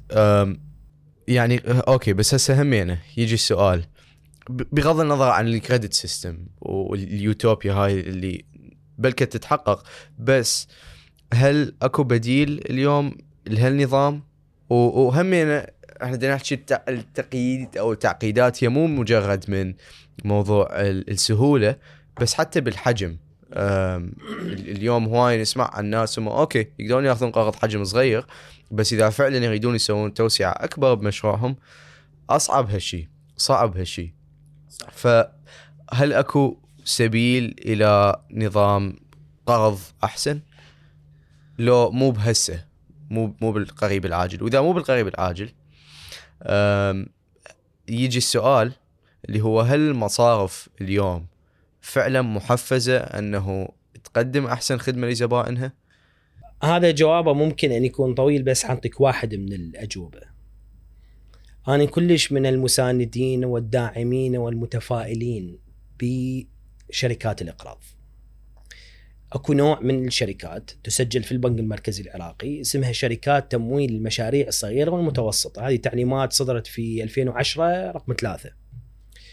هذا النوع من الشركات ليش آني يعجبني بالنسبة لي؟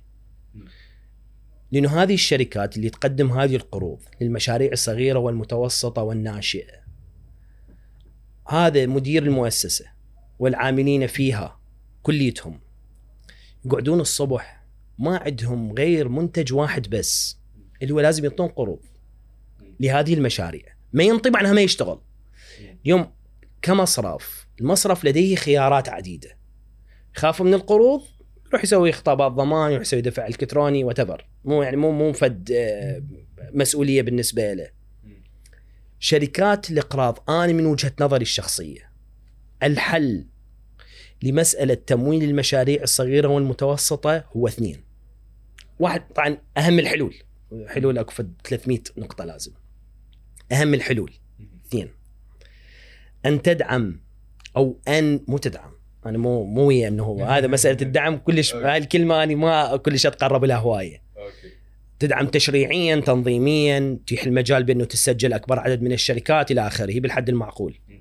شركات وعندنا تعليمات. شركات لتمويل المشاريع الصغيرة والمتوسطة. ليش؟ يعني هذه الشركات قد اجين شغلتها بس هاي. يعني هي ما عندها غير منتج بس تعطي قروض للمشاريع الصغيرة والمتوسطة. ما ينطي هذا القروض ما يشتغل يعزل. فمعناها أني أسست لي كيانات همها ومهمتها بأن تنطي هاي القروض. بس هاي مو شيوعية شوي؟ لا لا بالعكس. مو مو الدولة تأسس قطاع خاص. آه. طبعا عندنا شركتين اثنيناتهم قطاع خاص وشركتين تحت التأسيس. حيصير لنا أربعة هسه بالعراق ما له علاقة مو دولة ابدا. هذه مؤسسات خاصة. ولكن منظمة بتعليمات من قبل البنك المركزي. هاي واحد. أوكي. اثنين إذا تريد الدولة تتدخل إذا تريد تتدخل تتدخل بشغلة. وحدة فقط. يا أخي يا دولة لا تقرضون أحد لا تسوي برامج إقراض من خلال وزارة العمل والفلوس تروح ما تدري وين تروح أنا احكي عن إقراض ما احكي عن المساعدات من وزارة أي. العمل عم اللي يقولون أي. بأنه ضد الرعاية الاجتماعية لا. ابدا أنا ما لي علاقة بالمسألة وتجي تريد تسوي مؤسسة قروض وتروح تسوي قروض ما أدري ما شنو لا هذه مو هذا الحل. إذا تريد الدولة تتدخل تتدخل بإنشاء صندوق أو شركة مشابه مساند من خلال شركة ضمان القروض. أنا اليوم أدخل كدولة. اليوم أني أريد أحفز الزراعة. أني ما يصير أروح أ- جيب المصرف الزراعي تعال ننطي قروض للمزارعين. على شنو؟ أجيب هذه الأموال. يا مصارف خاصه أني عندي صندوق. هذا الصندوق تروحون أنتم تعطون قرض للمزارع. بس قبل ما تنطي تدز لي المعاملة أدرسها بشكل جيد. وأعرف بأنه هذا مستحق. أرجع لك المعاملة اني موافق بأنه أكفل لك هذا القرض أو أكفل لك 90% من عنده. فبالتالي أني كدولة ما صرفت ولا فلس إذا ما صارت تلكؤات طبعا ولا فلس حرفيا. وخليت المصارف تقرض براحتها لأنه قامت ما تدور ضمانات طبعا يدور صح. ضمانات وأوراق. وكذا بس مو بالمستوى العالي جدا. دوخة انشالت من راسه طبعا بالمناسبة أنا ما احكي هذا من عندي. هذا الموضوع صار خصوصا في أيام كورونا. البنك المركزي الأردني وفر 500 مليون دينار أردني مو للمصارف. راح نطاها للشركة الأردنية لضمان القروض. قال لهم عيني هاكم هاي 500 مليون. شكو مشروع صغير أنتم تروحون تكفلوه لأنه إحنا في أزمة. تكفلوه مو تعطوه قرض.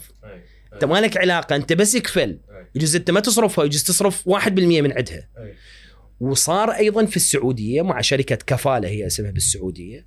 أعتقد يعني الرقم إذا أتذكر انه رقم كبير يمكن 8 مليار ريال اللي هي يمكن 2 أو 2.5 مليار دولار. نطوهم كضمانات وقالوا لهم عيني هاي الضمانات خليناها عندكم هنا. روحوا وضمنوا أصحاب المشاريع. صناعية زراعية هذا تتبع توجهات الدولة. هسه ذني اثنين من كل شوي نقاط بس بشكل أساسي يعني هذه رؤيتي أنا على المستوى الشخصي ممكن إنه يصير أكو تأثيرات شوية سريعة ومباشرة. بس ما تدخل لك تشريعات وقوانين. أه، أرجع همين للسؤال اللي هو إنه هل المصارف اليوم فعلا محفزة؟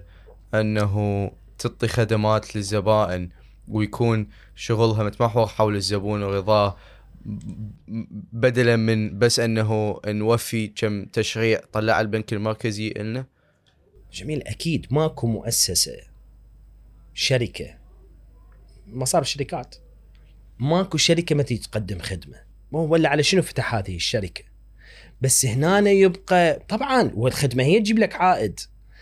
بس هنا أكو توجهات اكو risk appetite إيش قد انت عندك قابلية بانه تاخذ risk اكو عندك توجهات أو موظفين اقوياء في الجانب التقني، اقوياء في الجانب الاقراض، حي- فحيقودون مؤسستك باتجاهات نجاح معينة. هو احتمال سؤالي قاطع سلسلة أفكارك آسف بس هل دائما الخدمة تساوي عائد بالنسبة للمصارف؟ وهل كل عائد يجي من خدمات؟ أكيد مو بالضرورة طبعا يعني أنت آه، مو بالضرورة انت اليوم يعني اكو privileges إيه. اتخيلها انه البنك المركزي يوفرها للمصارف كونها تمشي بال regulations مالته ومن هاي يحصل عائد لا لا هي مو بالضرورة بأنه انت كمصرف بأنه تحصل عائدات على جميع الخدمات. هسه طبعا اكو خدمات تحصل لك أكبر. بس إذا تحكي على مستوى العائد منين؟ العائد تاريخيا مسألة فرق ال interest بين الودائع والإقراض يقل ك percentage من ال balance sheet مالتك لحساب الأرباح من الخدمات اللي تقدمها الأخرى. يعني تاريخيا كان الإقراض هو أهم product بدأ يصير مو أهم product بدأ يصير 50% or less من العائدات مالتك. بدأت تصير الخدمات الأخرى هي اللي تحقق لك عائدات اللي منها الدفع الإلكتروني منها الخطابات الضمان الاعتمادات إلى آخره يعني ال services البقية الأخرى. هذه اللي قامت تجيب عائدات على حساب الفرق بال interest okay. إذا جزء اليوم من العائدات مال المصارف نقدر نقول عليه جزء كبير هو ما يجي من الزبون نفسه؟ نعم. نقدر نفترض على هالأساس أنه الحافز الوحيد اليوم أو الأكبر مو الوحيد الأكبر للمصارف هو أنه بس يماشون تشريعات البنك المركزي سواء كان بموضوع التوطين سواء كان واضح. بموضوع القروض سواء كان غيرها وغيرها نعم والموظفين اللي فهمتها واضحة أوكي و- وعلى أساس هاي إحنا نشتغل كمصارف يعني هل أكو حافز حقيقي للمصارف أنه هل أكو مصرف صحيح. محفز 100% إنه يخدم صحيح الزبائن؟ صحيح هسه اكو مصرف أكيد اكو طبعا. يعني اكو مصارف هسه نحكي على مستوى العمل بالتحويلات المالية مثلا أو شراء الدولار وبيعه. اكو مصارف أصلا ما تدخل هذه العملية أصلا. يعني ما ما عندهم اتجاهات أخرى. بالعكس يعني يقدمون خدمات ويحققون عائدات عالية جدا وهم من أفضل المصارف اللي موجودين. اكو مصارف اعتمادها متوسط. وأكو مصارف اعتمادها كبير وهذا بالتأكيد دا يمنعها بأنه تقدم خدمات أفضل. وهذه المسألة جميل ممكن أن تكون في أي قطاع أو في غير بلد بصيغة أخرى. يعني أني أي نموذج لعمل خاصة مؤسسات خاصة من أنطيها جزئية معينة فرضتها الحاجة السوق صحيحة بغض النظر عن راينا بيها ولكن دا تحقق له عائدات تخليه مرتاح أكثر. أه، قطعا هنا حتجي نوعية هذه المؤسسة كيف تتعامل ويا هذا المنتج. تعتمد عليه 100% حتهمل المنتجات الأخرى. أكو مؤسسات لا تعتمد عليه بشكل متوسط أو متوازن وأكو مؤسسات نهائيا ما تعتمد عليه وهذا ما يصير هنا. فجوابا لسؤال آه، آه، سؤالك جميل آه، إنه آني تختلف تعاطي هذه المؤسسات مع هذه المسألة بشكل متفاوت جدا. يعني كل كل مؤسسة لها استراتيجيتها الخاصة. ولكن تقول لي لمن؟ القوة والبقاء. أكيد للمؤسسة المصرفية اللي تقدم خدمات مصرفية حقيقية متنوعة. تعتمد على موظفين أكفاء و systems قوية و technology لأن إحنا اليوم مسألة في تحول واضح جدا. وبنشر سمعة طيبة عن هذا المصرف وخدمته لشريحة واسعة جدا من الزبائن. طبعا هذا البقاء له الأفضلية له هسه واحد يريد هذا الشيء واحد ما يريده هذه ما تقدر تسيطر عليها لأن أنت عندك كم كبير من المصارف. بس مو من غير الحكيم أنه نقول أنه المصارف اليوم أكو مواضيع هي سببت شائب أو سببت آه، خسارة بالاهتمام لخدمة الزبون أكثر من أي شيء. صراحة. أي بس شوف جميل هذا كليته هذا كليته بالزمن أو الوقت. دائما هو عامل مهم بالتغيير نحو البقاء للأفضل والبقاء للأسرع والبقاء للمؤسسة اللي تعمل بشكل صحيح. صحيح يجوز نصرف وقت نخسر وقت. ولكن بالتالي قد يكون أنا ما أنظر له بأنه محبط ولكن أنظر له إنه إنه بروسس نحو التغيير والتحول.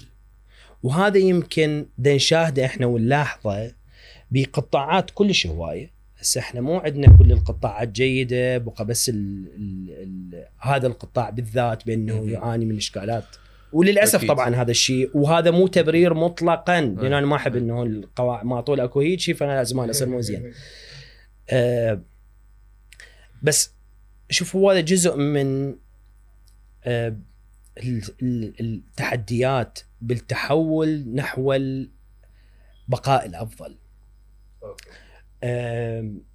وهذه يمكن تشوف كلش هواية على مستوى الريجن المنطقة اللي إحنا بيها على مستوى العالم.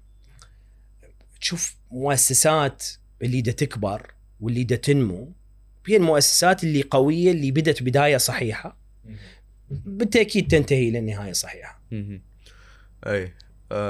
أي كنت احكي يعني على الإحباط هو أنه مثل ما الدولة العراقية يجوز ما محفزة إنه تقدم أحسن خدمات بسبب وجود شيء مثل النفط قد تكون هم من المصارف ما محفزة إنه تقدم أحسن الخدمات بجزء معين نعم صحيح م.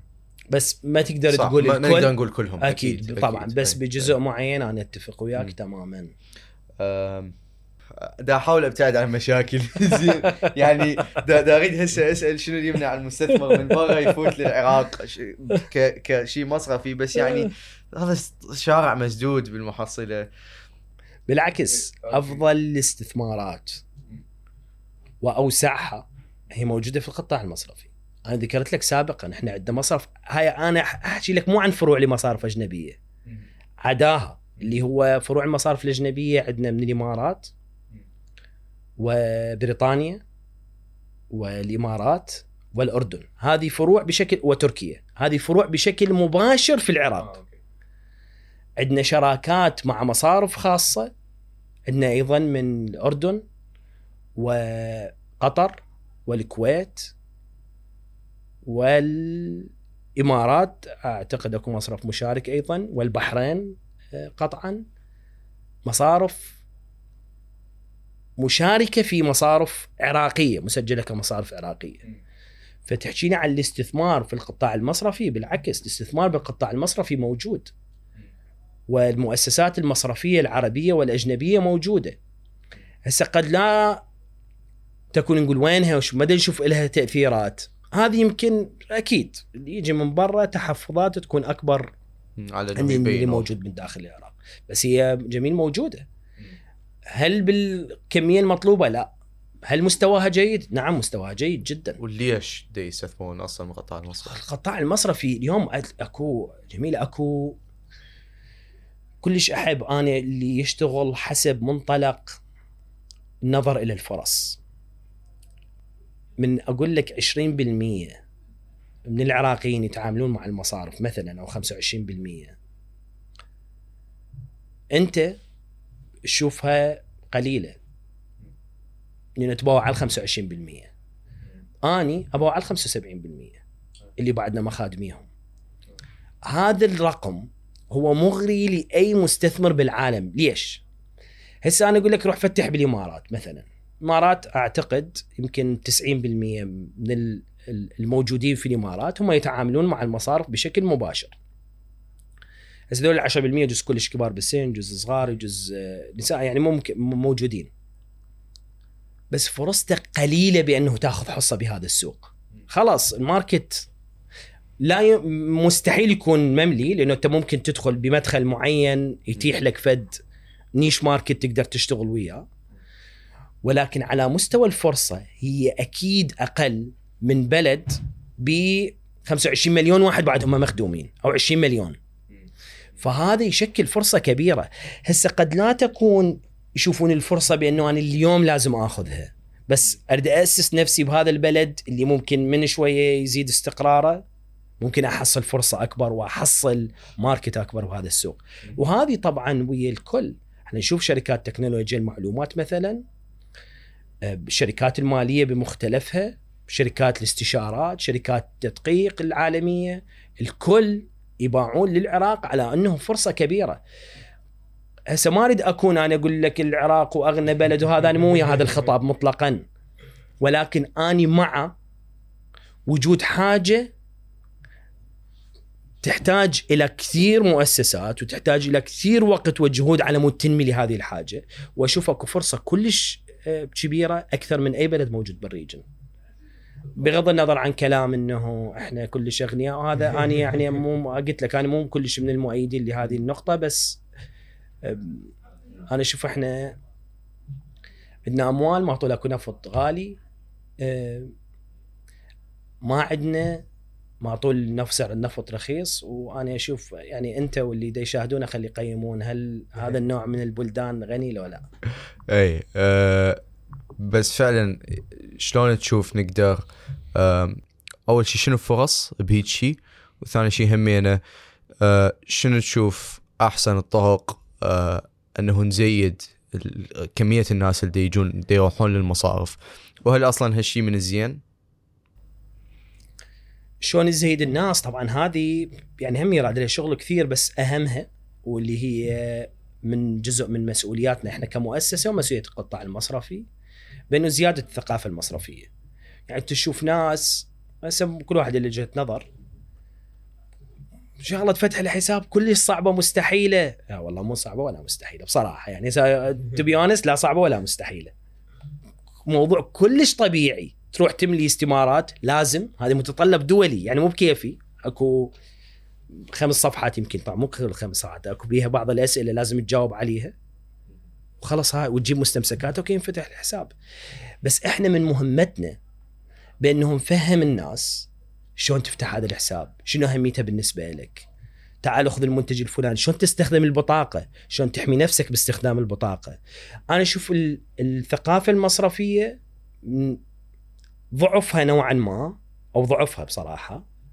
أه، كل شوي نتحمل مسؤوليتها إحنا والمصارف. لازم باذلين جهد ولكن لازم نبذل جهد مضاعف في عملية زيادة الوعي والثقافة المصرفية. هذا طبعا عدا اللي حكيته سابقا موضوع تقديم الخدمات وإلى آخره.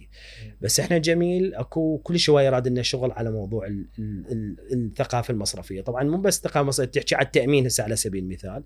أنا متأكد الثقافة بالتأمين هي كل هواية أقل من حتى الثقافة المصرفية.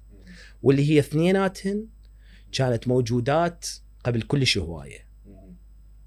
ليش؟ انه أكو كان يعني القطاع المصرفي في وضعنا أفضل، قطاع التأمين في وضعنا أفضل. أه هسه تراجعنا لنقطة كبيرة بدينا نتقدم مرة أخرى ولكن نحتاج إلى جهد كلش كبير جميل على مود يعني نكون بمستوى مقبول شنو تشوف أكثر استراتيجية فعالة أكثر طريقة فعالة لزيادة الشمول المالي بالعراق. أنا اضوج استعمل الشمول المالي أحس قاعدين بمنظمه هيك الترجمة. زين. إي فعلا بس يعني كمية الناس اللي عندهم حسابات مصرفية. يعني أكثر طريقة معينة فعالة أنت تشوفه. حتى إذا ي... نقدر نعتبر هذا جسر إلى محافظ إلكترونية وغيرها. شوف هو سواء فتح الحسابات أو زيادة الدفع الالكتروني يحتاج له شوية يراد للمؤسسات المالية شوية تجازف بهذا الموضوع وتنطي مثل اللي صار مرة أخرى. نرجع على مثال التاكسي.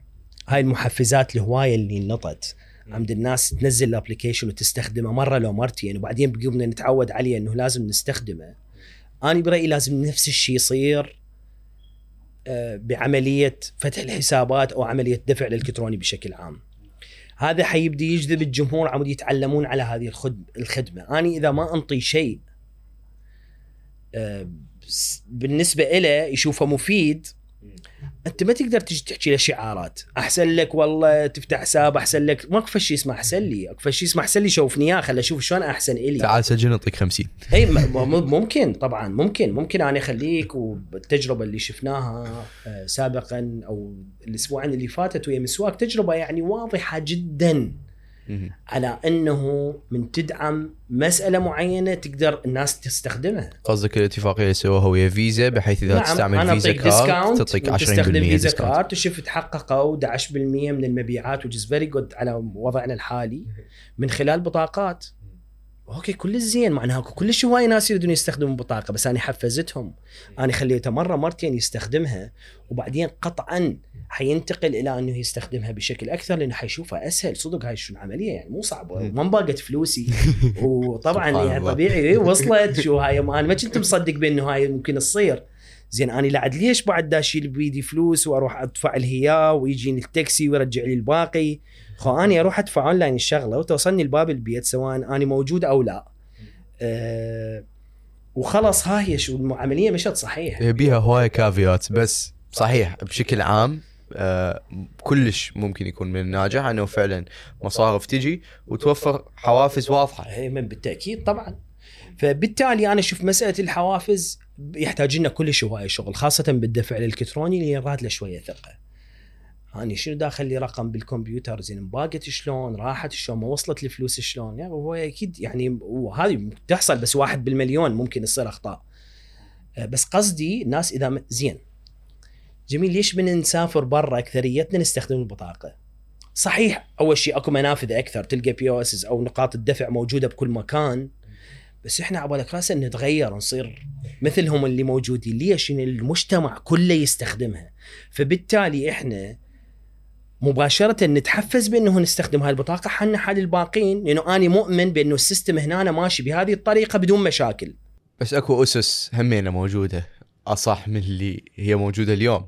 أنا حكينا بيها آه، بحلقة علي إسماعيل اللي هي أنه آه، موضوع ال distributors مال POS صحيح. الشركة هاي وموضوع ال facilitators وغيرها وغيرها. صحيح. وهمينه يعني كان أكو أساس صحيح من البداية دعم أنه أوكي هذا التحول إلى ال- إلى الكارت. بس صح إحنا من نطلع برا نستعمل هاي الكل دا يستعملها. أكيد. شغل بالدفع الإلكتروني يحتاج لنا كلش هواية. يعني على مستوى نقاط البيع مثلا. بس أنا هسه حاولت قدر الإمكان وأعتقد حققت جزء كبير من ان أكون صريح سواء بالأخطاء اللي علينا أو بالأشياء الإيجابية اللي الناس تشوفها أو ما تشوفها. مسألة نقاط البيع ما تتحمل مسؤوليتها المصارف والشركات فقط. هذه يتحمل مسؤوليتها النظام بشكل عام. أغلب المشاريع اللي موجودة في العراق غير مسجلة. أغلب المشاريع اللي موجودة تخاف من ال POS لأنه ما تريد تدفع ضريبة. أغلب هذه المشاريع يقول لك أنا أريد أشوف كاش بعيني بالمجر أريد أشوفه اليوم ما أريد يروح ينزل لي بحسابه وأستلمه ثاني يوم. أغلب أصحاب المشاريع يقول لك أنا والله ما أدفع 1% أو 1.5% على transaction يعني الزبون ما يتحمل شيء. أنا أريدها كلها الفلوس إنه آخذها لي حتى هاي الألف دينار على كل مئة ألف ما أريد أدفعها. فبالتالي جميل هذه المسألة بصراحة تامة لا تتحمل مسؤوليتها لشركات الدفع أو المصارف فقط وإنما هناك مسؤولية كبيرة جدا على أصحاب المشاريع نفسهم وعلى الدولة بشكل عام. وبشكل سريع لعلاجها أنا وجهة نظري بكثير من الخدمات لازم يكون أكو إجبار.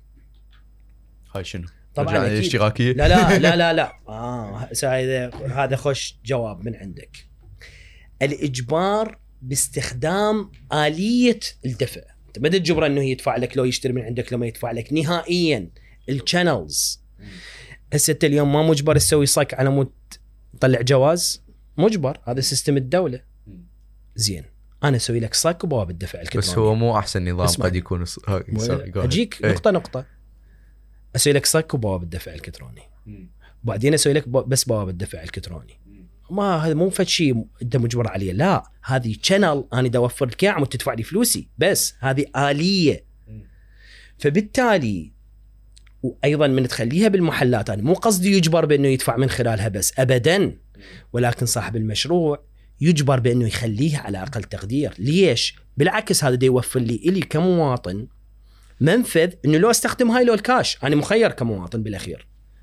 بس على الأقل تكون موجودة لأنه أني من حرياتي الشخصية المفروض بأنه أنا أستخدم بطاقة أو أستخدم كاش أنت إيش تجبرني أستخدم كاش أنا أستخدم بطاقة.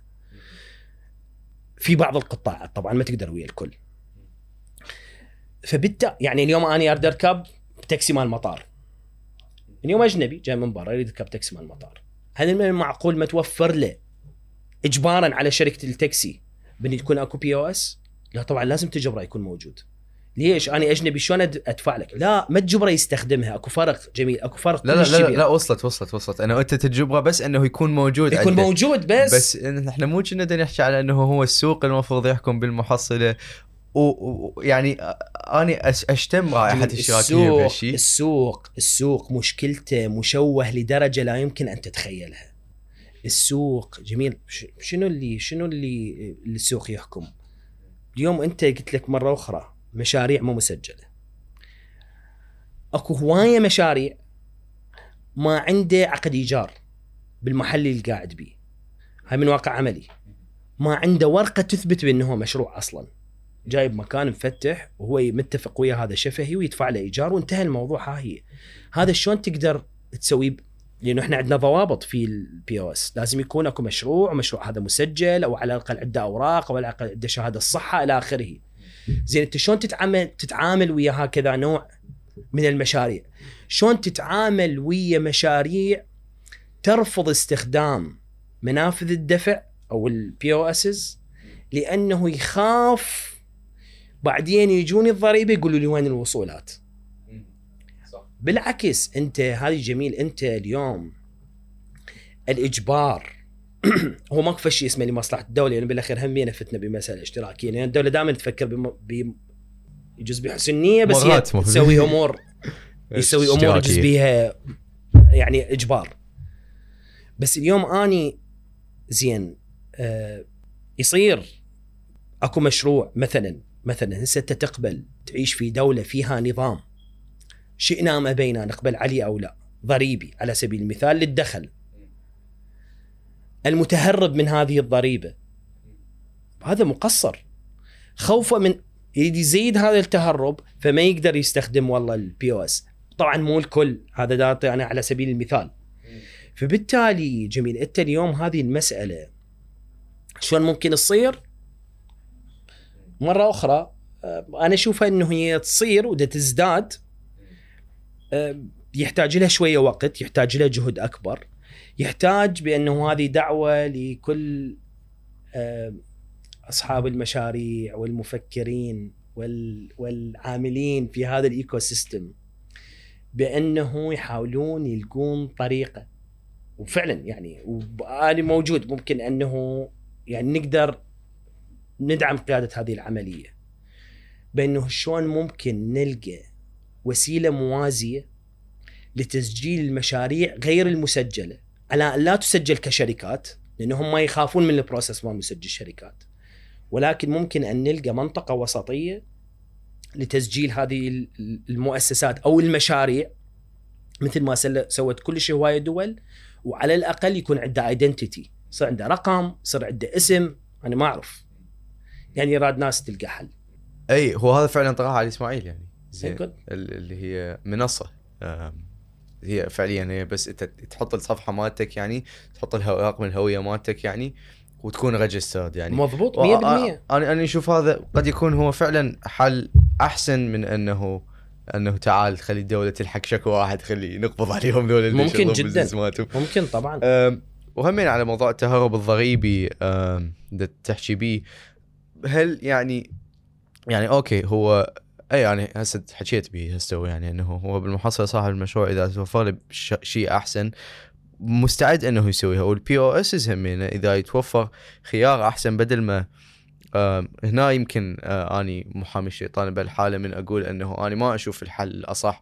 هو إنه نجبر الناس يستعملون POS مقارنة بإنه نسوي شركات هي هاي يكون شغلها واجبها توزيع ال POS تاخذها من شركات دفع الإلكتروني تاخذ ترخيصها يعني وتحصل نسبة على ممكن. كل transaction يصير. آه بس هذا نقاش آخر ومو أني أكثر واحد expert بيه خوش أنت إحنا وعلي. نفتح business للناس. غير اي ما كنا بيه يا علي. بوقتها.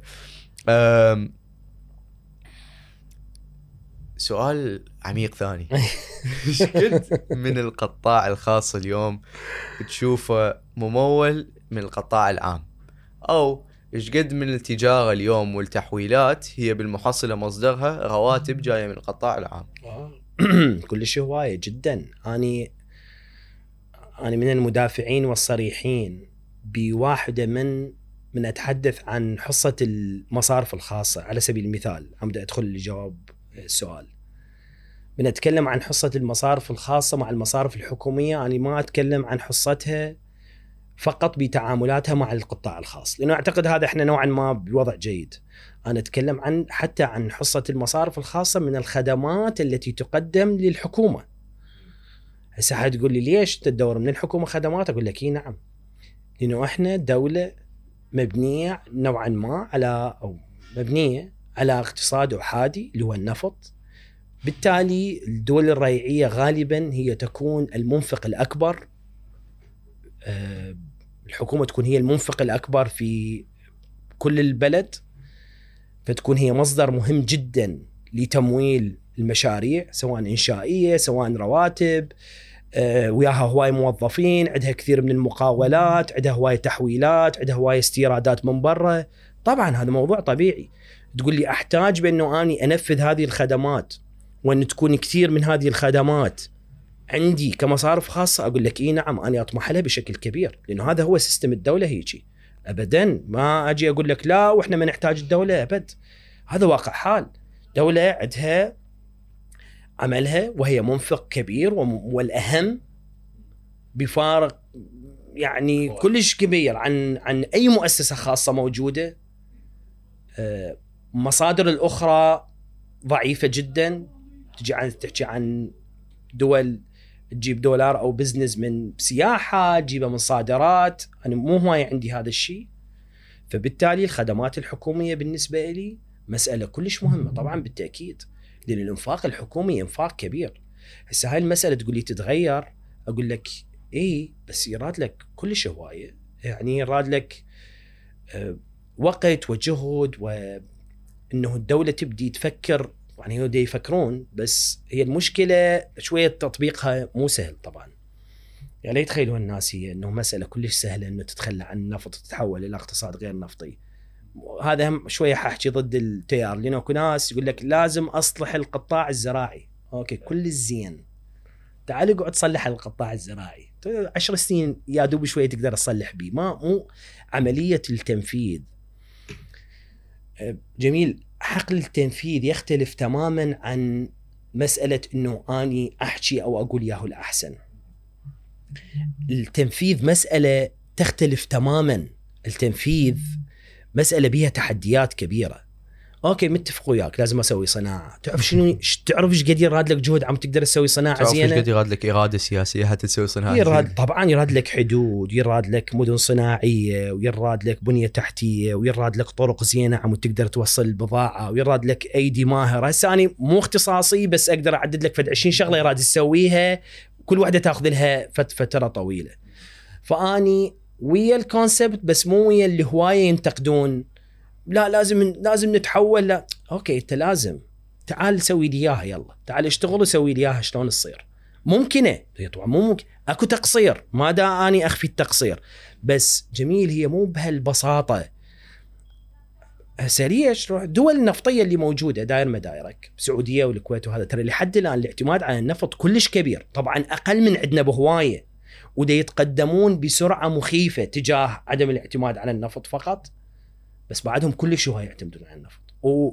واللي صار قبل سنتين من خفضت أسعار النفط بالسعودية على سبيل المثال هواية سوت تقليل في الم- الموازنة مالتها وبدأت تقلل الأنفاق وبدأت تسوي نوعا ما تقشف ليش؟ لأن بعدها تعتمد كل شيء هواية على النفط رغم التقدم وال يعني ال... ال... ما ما أقدر أحكي يعني لأنه هم أنا مو كلش آه... خلينا نقول هذا المجال اللي أقدر أفتي مم. بس آه، بعد يشكل حصه كبيره طبعا أكيد. بس عندنا كلش كبيره يعني أكبر من اللازم بس قلت لك مسألة الإصلاح مسألة دائما يحتاج لها إرادة ووقت. ضيعنا كل هواي وقت للأسف. بس مسألة إرادة لها إرادة ووقت. أنا قلت لك كلش سهل جميل تنتقد. وكلش سهل تقول لازم يصير فلان شيء. والله هي سهلة. يعني مو واقدر اصير هسه والله اني لو يخلوني. هسه إيه بالضبط. اي هسه أقدر أسوي لك هنا أنا مقطع هسه احكي نص دقيقة من هذا اللي يبدي الناس يدزوا واحد لله. شوفوا هذا الكلام اللي يخبل. كلش ايزي أقدر أسوي هذه العملية. بس هي مو بهالبساطة.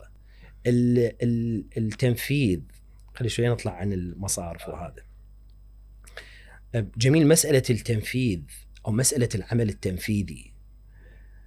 آه، هي دائما من المسائل الأهم في أي عمل. صحيح وجزء طبعا مهم جدا من قيادة أي مؤسسة إنه تكون حريص على أن يكون التنفيذ صحيح. مو إلا تنفذ بيدك أنت كشخص ولكن يجب أن تكون حريص على أن يكون التنفيذ بشكل صحيح بأدوات صحيحة. وهدفك لتنفيذ هذه المسألة يكون واضح.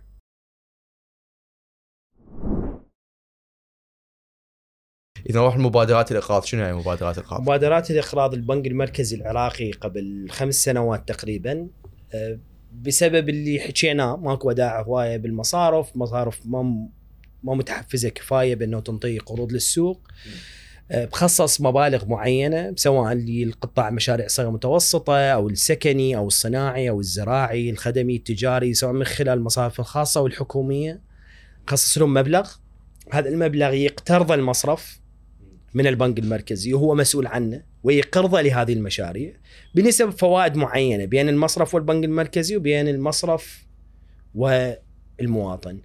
طبعا هذه يعني سرعت بشكل كبير خاصة بالسنة الأخيرة هسه من أرقام الإقراض بشكل أفضل كثير من السابق وحفزت المصارف بأنه تدخل في عملية الإقراضية بشكل طبعا يعني أكبر بكثير. يعني إذا نشوف على مستوى السكن مثلا آه، نشوف اليوم نهضة المشاريع السكنية بشكل آه، متسارع في العراق بشكل عام هذا جزء كبير من عنده كانت مبادرة البنك المركزي للإسكان اللي هي من خلال المصارف طبعا الخاصة أو المصرف العقاري أو صندوق الإسكان. كانوا هم يعني حجر الأساس في زيادة انتشار. المشاريع السكنية الاستثمارية. هسه شخص يقول لي يمكن هذه غالية صعب مدى أحصل بيها. هذا ابدا مو شغل المصارف. إحنا بالنسبة نوفر التمويل للمقترض ما لنا دخل مطلقا بسعر المتر أو هو بس مو همين توفير التمويل يؤدي إلى تضخم بهيك أسعار؟ لا جميلة هو كلش هواي فكرت بهاي الشغلة وانسالت هذا السؤال. أنا مو كلش أعتقد لأنه هذا من توصل مرحلة يتوازن تقريبا الطلب ويا العرض ممكن تقول أكو عوامل تزيد من سعره. اليوم جميل كل الناس محتاجة السكن الكل أغلب الناس محتاجين إلى ان يشترون سكن. ما راح يجي القرض هو اللي يصعد سعر الوحدة السكنية لا. الحاجة والطلب الكبير هو اللي يصعد. خليه يصير مليارات القروض هسه موجودة. شوف بالعالم كله اكو قروض مال اسكان متوفرة. بس إذا مقابيلها أكو عشرات الألوف من الشقق دا تنبني ما يصعد سعر الشقة مستحيل. بس هو العرض والطلب هو اللي يحدد هذا السعر طبعا بشكل وأكو عوامل بالتأكيد أخرى. فحتى بس أعيد صياغة حكيك إذا أقدر افتهمه أحسن فهو البنك المركزي عنده فلوس هاي الفلوس يعطيها للمصارف حتى تقرضها للناس بمواضيع يقرضها معينة. للمصارف والمصارف يقرضها للمصارف. والمصارف تقرضها للناس. آه لمثلا خلينا نقول آه موضوع معين سكن غيرها وغيرها. آه أوكي افتهمتك. هاي للكل تتوفر لو بس لموظفين القطاع العام؟ لا لا للكل بالتأكيد للكل بس كثير من المشاريع كانت أكو أولوية للموظف الحكومي بسبب توطين راتبه بالمصارف وهذه مسألة يعني يعني ممكن مو كلش أتفق وياها بس هذا واقع الحال. هو راتبه ينزل بالمصرف فأبو المصرف مرتاح له ينزل راتبه مليون دينار دفعته 500 ألف يقص ال 500 ألف وينطي 500 فهو مأمن. هي هاي النقطة ترى ماكو فرق يعني مو بيشتغل بالقطاع الخاص فضائي فيخوف اني لا. بس لأنه أني مطمئن أكثر للموظف اللي راتبه ينزل يمي. فبالتالي أني دا أرتاح أكثر من أنطي قرض فبالتالي حصل الامتيازات الأكثر. بس هذا هم يحط موظف قطاع الخاص إي طبعا أكيد. dis advantage ولهذا أنا أقول لك مو كلش أنا أتفق وياها أي. لأنه إحنا دا نريد نشجع على مسألة إلى مسألة أخرى. إحنا دائما الناس تحكي لازم تشتغل بالقطاع الخاص زين هو أنت مو باللازم. هو المواطن يلومون واحد يطلع يقول لك أنا بدي أشتغل وظيفة حكومية أنا ابدا ما ألوم يا هذول الله الناس. منتظر رأي عكس التيار. لا لا أبد ما ألومهم نهائيا. كثير من أصدقائي يقول لك شوف ذولا يريدون وظيفة حكومية لا تلومه ابدا بالعكس. اولا هذا ما عنده فرصة ما يشوف قطاع خاص قوي وكبير يقدر يشتغل به اثنين دا يشوف الموظف الحكومي هسه بغض النظر حتقول لي صعبة وراتبة مو عالي يجوز بقد أكو هواي مؤسسات خاصة بس دا يشوفه عنده راتب مستقر عنده تقاعد ينطوا قروض يجوز يحصل قاع في مرحلة ما. آه، ورا حتى ما يخلص قلت لك يظل ياخذ تقاعد وإلى آخره. دوامه من ثمانيه لثلاثة مثلا. وتجي أنت تقول له لا تروح تشتغل هناك أنت ليش طالع ونجي نلومه؟ وإحنا يعني كلش هواي ناس بالقطاع الخاص بعد ذولا يطلعون مظاهرات يدون قطاع حكومي إلى متى تظلون بهذا التفكير؟ لا يظل بهذا التفكير. يظل بهذا التفكير لحين ما توفر له فرصة أفضل وتوفر له قطاع خاص من صدق من يشتغل به هو يشعر بارتياح. عنده تقاعد وهذه ممكن أن تصير. صاروا سنين يحجون بها التقاعد الموحد أو ما أعرف شو يسموه. من تحصل له حماية أكبر. من تفرض على عقد على صاحب المشروع من توفر قطاع خاص قوي وكبير يدرب وينطي راتب زين ويحفظ حقوقه آه، ويسوي له عقد رسمي ويحميه ويمشي وياه حسب قانون العمل ويسوي له ضمان اجتماعي. هنا أنا أجي ألومه أقول له أنت إي والله ليش تدور وظيفه حكوميه عمي؟ مو يشتغلون بالقطاع الخاص مرتاحين أنت شكو مدوخ نفسك. بس أني تريدني ألوم واحد متخرج من الكلية.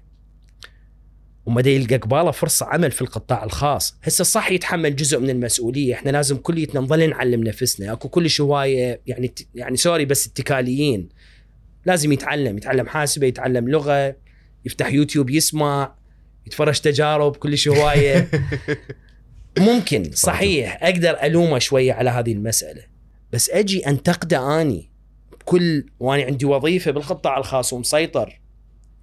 وبعدين أجي أكتب بأنه بعد ذولا يطلعون يدورون وظيفة حكومية وأني مخلي الموظف الحكومي أفضل. وقلت لك راتب وتقاعد ويجوز أرض ويجوز كذا. وشغله أكيد يعني سوري مو الكل بس أخف من القطاع الخاص أكيد. طبعا أكو يبذلون مجهود عظيم هواية. ممكن دكاتره ممكن الناس اللي يشتغلون في المؤسسات الخدمية المباشرة. وبعدين أجي ألومه أقول والله هذا ليش ديس لا ابدا جميل. أنا إذا ما أوفر له شيء محترم وأقود بالتحفيز والله مو بالحكي. مو والله واحد يطلع يقول القطاع الخاص والله الشغل بيه أحسن. هذا حكي هذا بسوالف كلام. اني أثبت له بالدليل القاطع وبالوضع العملي بأنه هو أحسن له من أجي يكون موظف القطاع الخاص فعلا بمستوى الناس تطمح تشتغل به هنا أنا أقول إيه يلا تعالوا اشتغلوا بهذا المكان. بس آني بلا حماية للموظف بالقطاع الخاص أنا بالقطاع الخاص وأحكي لك. بس مو آني بس هواية أكو. صارت كورونا بطلهم كليتهم بدون تعويضات لأنه ثلاث ارباعهم ما عندهم عقود. لا عقود عنده. لا يستفاد من خدمات لأنه أنا دا اروج دائما باتجاه الخدمات للموظف الحكومي. لا إلى تقاعد لا إلى ضمان اجتماعي لأنه كثير من الشركات ترفض تسوي ضمان اجتماعي لموظفيها وأجي أقول للناس ليش تحول للحكومة؟ يعني أنا أشوف به هذا ظلم أو اجين يمكن رأيي معاكس كلش هواية لل... للترند بس بس راي واقعي إلى حد كبير ما نقدر نقول الواحد هيجي يعني فعلا مقارنة بالقطاع الحكومي القطاع الخاص دوخة والقطاع الخاص انعدام. الأمان وغيرها وغيرها بس من اذا. بيع عائدات جيدة اي أنا اسعى له جيدة. اي أكيد أكيد مم. بس كون واقعي دائما خلي نفسك بمكان الآخرين ولا تكون أنت إلك كانما الك الأفضلية. لا بجوز انت ظروفك خلت لك تصير شوية أفضلية. مو لا أكثر ولا أقل. بجوز صار عندك فد جهدك. أني كلش أحب أني مو كلش أؤمن بأنه أكو خلينا نعطيك بحساب شغلة عميقة شوية.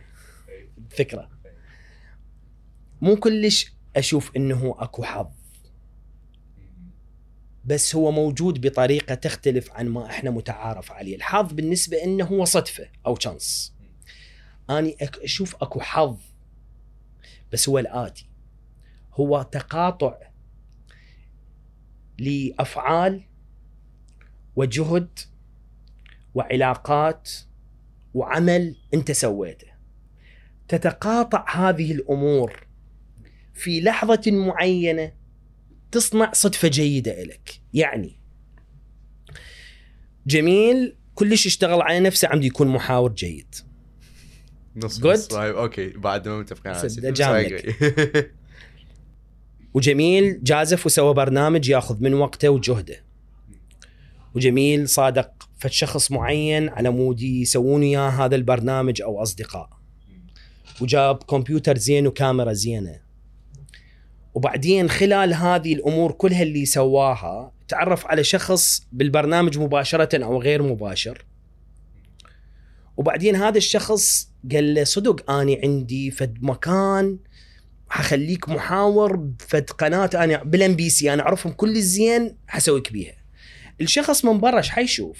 حيشوف بأنه جميل صدفة شاف هذا الشخص. شلون كان جميل شافه وقال له ها أنت مقدم؟ قال له إيه. فقال له تعال خليك هنا. لا هاي تقاطع لكلش هواية اكشن سويتها بحياتك. كلش هواية. أكو أشياء كلش صغيرة يجوز.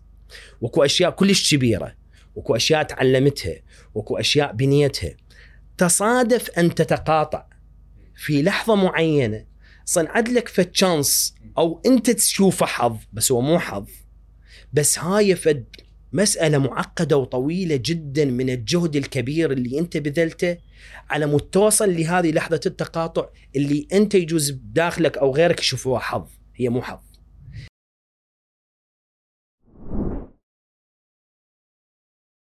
ليش تسجيل الشركات لازم يكون صعب؟ ومن يقول لازم يكون صعب أصلا ما أدري أنا أتذكر إحنا من نسوي الأسئلة وصلنا راي أنه أحد آرائك هو أنه لازم يكون صعب أو من الزين أنه يكون صعب. أه لا يعني مو يجوز هذا رأيي بس أنا أشوفه بأنه الوضع الحالي جميل. هو ممكن. يعني نحكي الصدق هو ممكن. حتقول لي بي تكلفة إجراءات أوراق أني أشوفها أني كشخص شوية صعبة بس لا نظل نقول ما تصير ما نقدر مستحيلة. هسه هذا رأيي الشخصي. أنا فايت ب process مال التسجيل عم تخاف أحد يقول لي بأنه أنت ما مجرب. بيها تكلفة ما المفروض تكون موجودة. بس خلاص هذا جزء من اللي لازم تتحمله كواقع. يعني اليوم أنت تدفع فلوس للمولدة أنت ما مضطر تدفعها مال الكهرباء تقدر بدونها؟ ما تقدر. هاي خلاص هذا واقعك. يقول بأنه لازم تدفع فلوس مال المولده أنت المفروض ما تدفعها أصلا بالوضع الطبيعي بس تدفعها. حتقول لي طول شهر شنو اللي عندنا إحنا يطول أقل من شهر هنا أنا. بس عندنا توعد على هاي الحلقة صار لنا ثلاثة أسابيع فبالتالي لازم تأخذ وقت فأني بالعكس رأيي مع إنه يكون كلش سهل هل مستحيل بأنه تسجل بالوضع الحالي؟ والله لا. سوي ال homework مالتك. جيب لي 20 مشروع يقولوا لك التسجيل صعب. اسألهم بشكل جيد. هل أنتم تعرفوا تعرفون التعليمات؟ فانتوا قرأتوا التعليمات؟ عرفتوها زين؟ سالتوا محامي؟ استشرتوا واحد؟ عرفتوا ال process؟ حضرتوا أوراقكم؟ أنا أتوقع بأنه كثير من عندهم حيقولوا لك لا. ما أتوقع سوي واجبك زين. حضر أوراقك.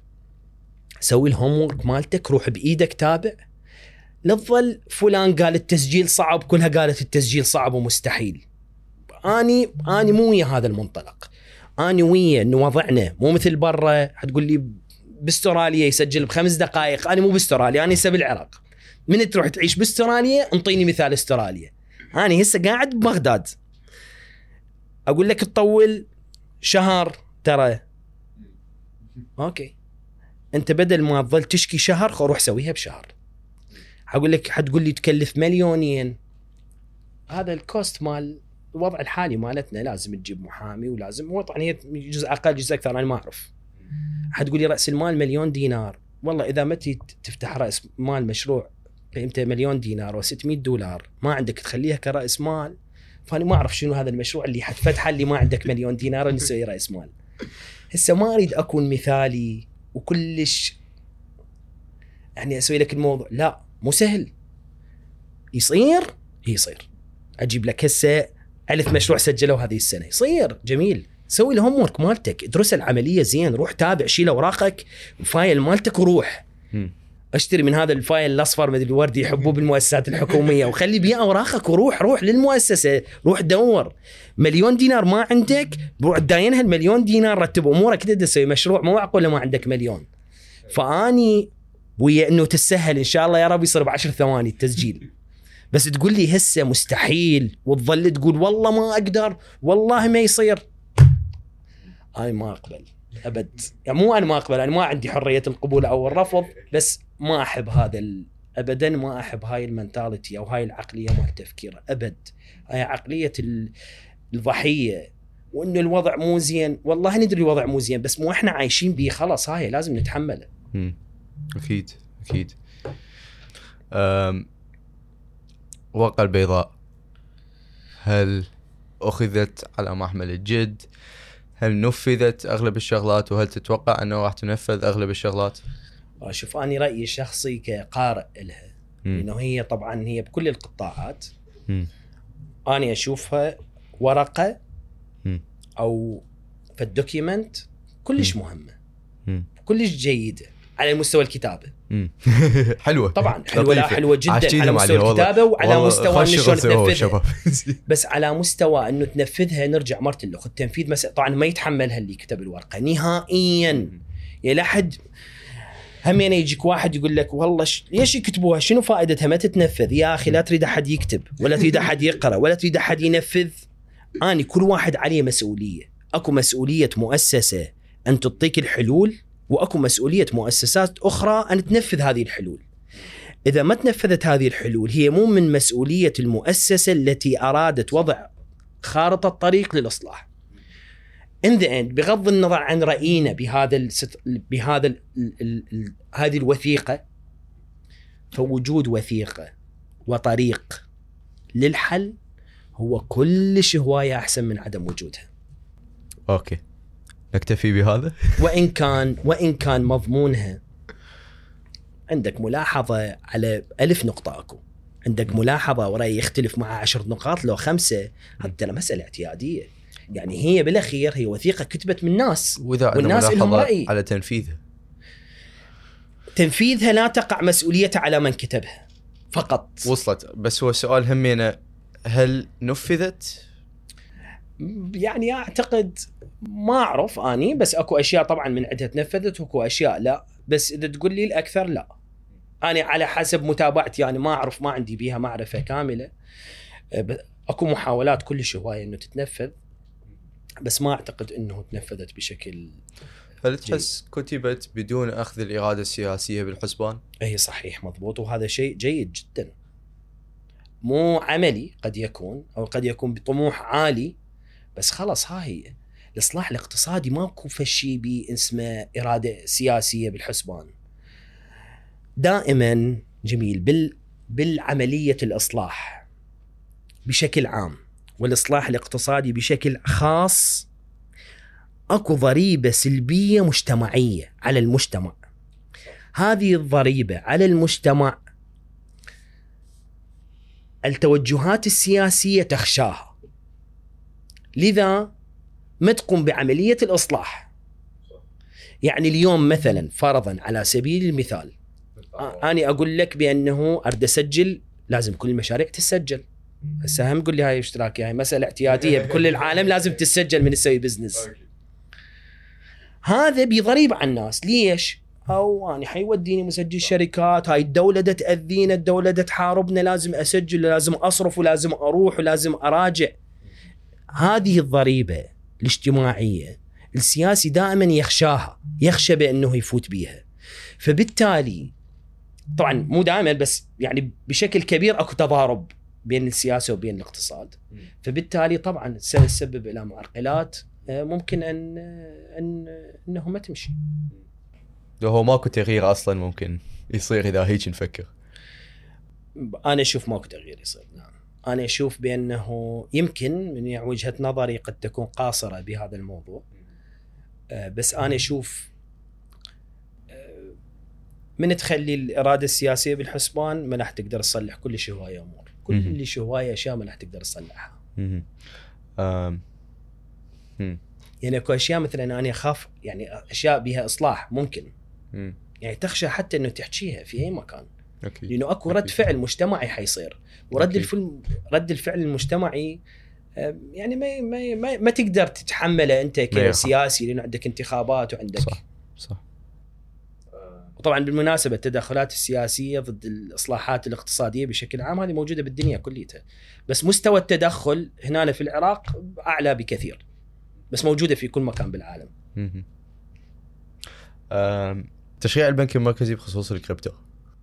أي واحد يشوفه سيحكي بالقطاع المالي. أسهل شيء بالنسبة له يجي يحكي لك والله العالم دا يتغير و blockchain و cryptocurrency وشوف إيش صار وشوف إيش دا يصير. أني على المستوى الشخصي ابدا ما اشجعها ابدا مطلقا. هاي هسه مو cool بالنسبة للناس اللي يسمعوني للأسف. okay. المفروض أني أقول لهم اي المركزية انتهت. نحن نحو اللامركزية. والشباب حيقودون هم المستقبل بالبيتكوين وهي حتصير سعرها مليون دولار بعد عشر سنين. وأني أتوقع بأنه كذا coin حتصير فلان شيء. زين. بس أنا ليش؟ شخصيا مو وياه ليش؟ كل شيء آه شوف أني بوجهه نظري هسه أعطيك. قيمة NFTs أو الكريبتو هي ناتجة عن قيمة مضاربة. يعني شنو؟ هذا الكوب أنا اليوم دا اعرض لك اياه بدولار أنت قبلت تشتري بدولار. صار قيمته دولار. هو يجوز ما يسوى. إجاك شخص آخر راد يشتريه بدولار ونص طبعا لسبب أو لآخر هو بيها سبب. لأنه هي بيها تقدر تحول بيها فلوس وتقدر تنطيها الحسابات تقدر تشتري بيها أشياء. ما أتفق. بس أنا أقصد كقيمتها من تجي. اكو غيرك راد يشتريها بدولار. لأنه لها حاجة طبعا هذا الكوب ولا واحد عنده كوب بالغرفة فإلى حاجة. فقيمته تحدد. مو بس هذا من إيش مصنوع. وإنما قيمته تحدد من مضاربة. المضاربة هي اللي تخلق قيمة لأكثر ال cryptocurrencies مو كليتها. أنا بدي أكون دقيق. لأكثرها. لأن هي مو functional أصلا. يعني أنت ما مضطر تستخدمها. اثنين أنا برأيي ماكو use case لحد الآن حقيقية وواقعية ومنطقية للكريبتو. يعني تقول لي it's an option عم تشتري تسلا تقدر تستخدم Dogecoin أو بيتكوين. أقول لك اي it's an option بس أقدر أشتريها بالدولار. بعدني أنا ما مضطر أس ولا حيجي يوم إنه أضطر أستخدمها. فاني برأيي قيمتها ناتجة عن مضاربات. شوف تصير مشاكل بالعالم تصعد قيمتها البيتكوين. ليش؟ لأنه المناطق اللي بيها نزاعات سياسية أو ضغوطات من مؤسسات دولية تجاه الرقابة على هذه الدول تبدي تستخدمها بشكل أكبر في تعاملاتها سواء على مستوى رجال الأعمال أو حتى الدولة أحيانا. فبالتالي النتيجه قيمة ناتجة عن مضاربات. أني مو ويا إنه هاي لأنه مجهولة لا لا لا مو كلش يعني هذا العلم تجاوز هذه المسألة وبدأ يفتهم شلون تشتغل كل الزين.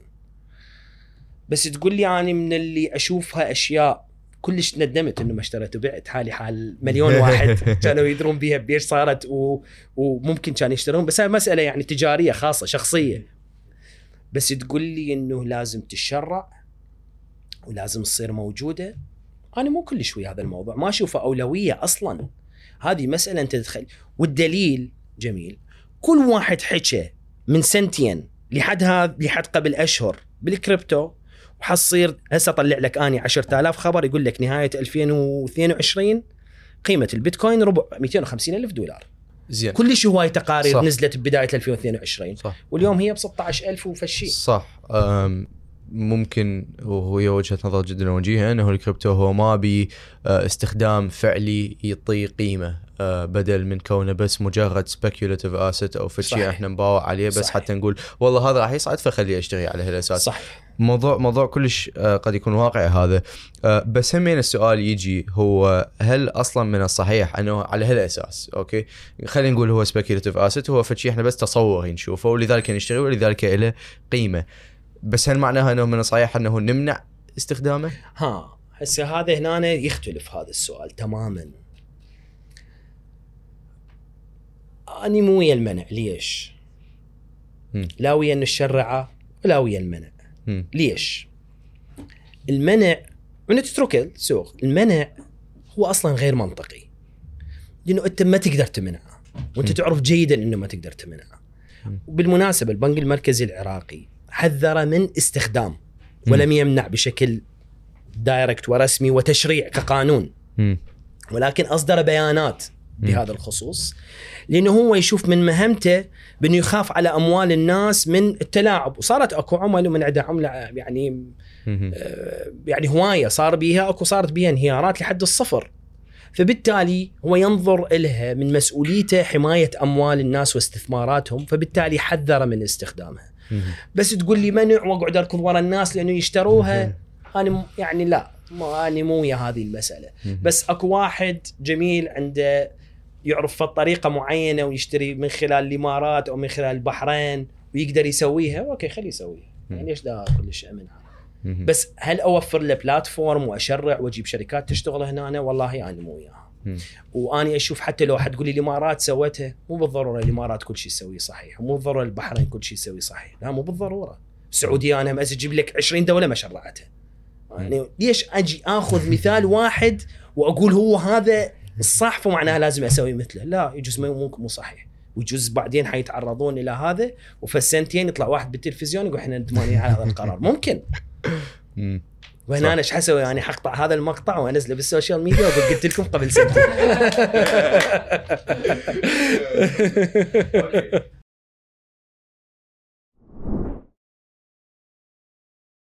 قلت لهم في بداية عملي بس هذا حيخف على المدى الطويل.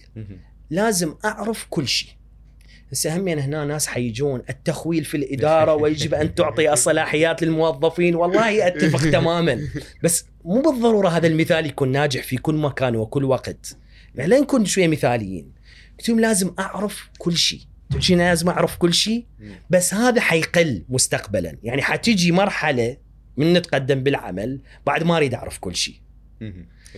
الثانية اللي ما راح تختفي. إلى أنا بطل من المؤسسة. إنه لازم أوافق على كل شيء. ليش؟ لا هنا لازم إلها تبرير. لأنه أني سأكون وسأظل مسؤول عن أي شغلة تصدر من هذه المؤسسة حتى لو اكتشفنا لاحقا أنه هي خطأ. ما راح أعرض أي موظف في هذه المؤسسة للملامة أو خطر إنه يتعرض لجزاء معين نتيجة قرار أو اكشن أنا وافقت عليه. أنا اللي حتحمل مسؤوليته لآخر لحظة ولن أتخلى عن هذه المسؤولية على شرط إنه أنا أوافق عليها. سواء أمام أي مؤسسة خارجية أو داخلية بيناتنا أو اكتيفيتي معينة سويناها أوافق تقول لي أني حشتري هذا أقول لك إيه أنا تحملت مسؤوليته انتهى الموضوع بعد ما حملك مسؤولية أمام أي بشر أني المسؤول.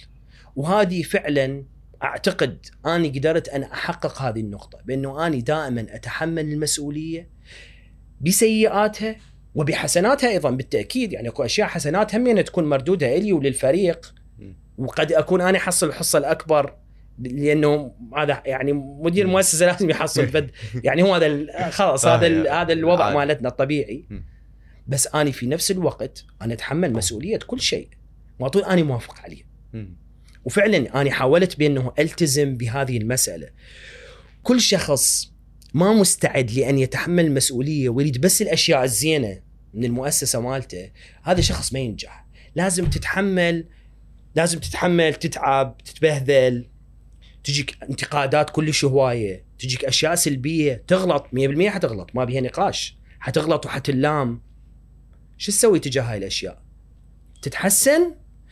وتتحملها في نفس الوقت. خلاص أنا ما طول عندي فشي زين أريده المو زين لازم أتحمله. وهذا طبعا كثير.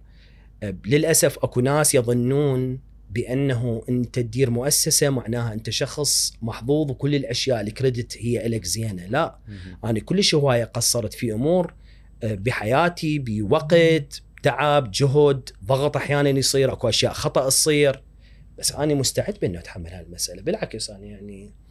آه، حتى لو أحيانا تكون سيئة ومحزنه بس أنا بالأخير أشوفها نتيجة طبيعية لأنه أنت تتصدى للمسؤولية هذه نتيجة طبيعية. أما اللي يريد يصير مسؤول بس عم يقول اني مسؤول وقدام الناس إنه هو مسؤول ويستفاد من الأشياء الجيدة بس ومن يصير شيء غلط يلوم أحد هذا الشخص ما يطول حتى باي بأي position يعني هو فعلا يعني. إحنا إيش قد ما نحب نحكي على الستراكشر المو زين وبس حتى بالسياسة. I agree with that إنه there are good leaders يعني. That take the bad credit that can also take the good credit sometimes. إيه. أتصور بهاي نقدر ننهي؟ ممنون عليك. شكرا جزيلا. أنا اشكرك آه شد يداك ممنون علي حبيبي، قدم شكراً وقتك جزيلاً. كلش بالعكس، هوايه أنا ممنون. This has been very fun.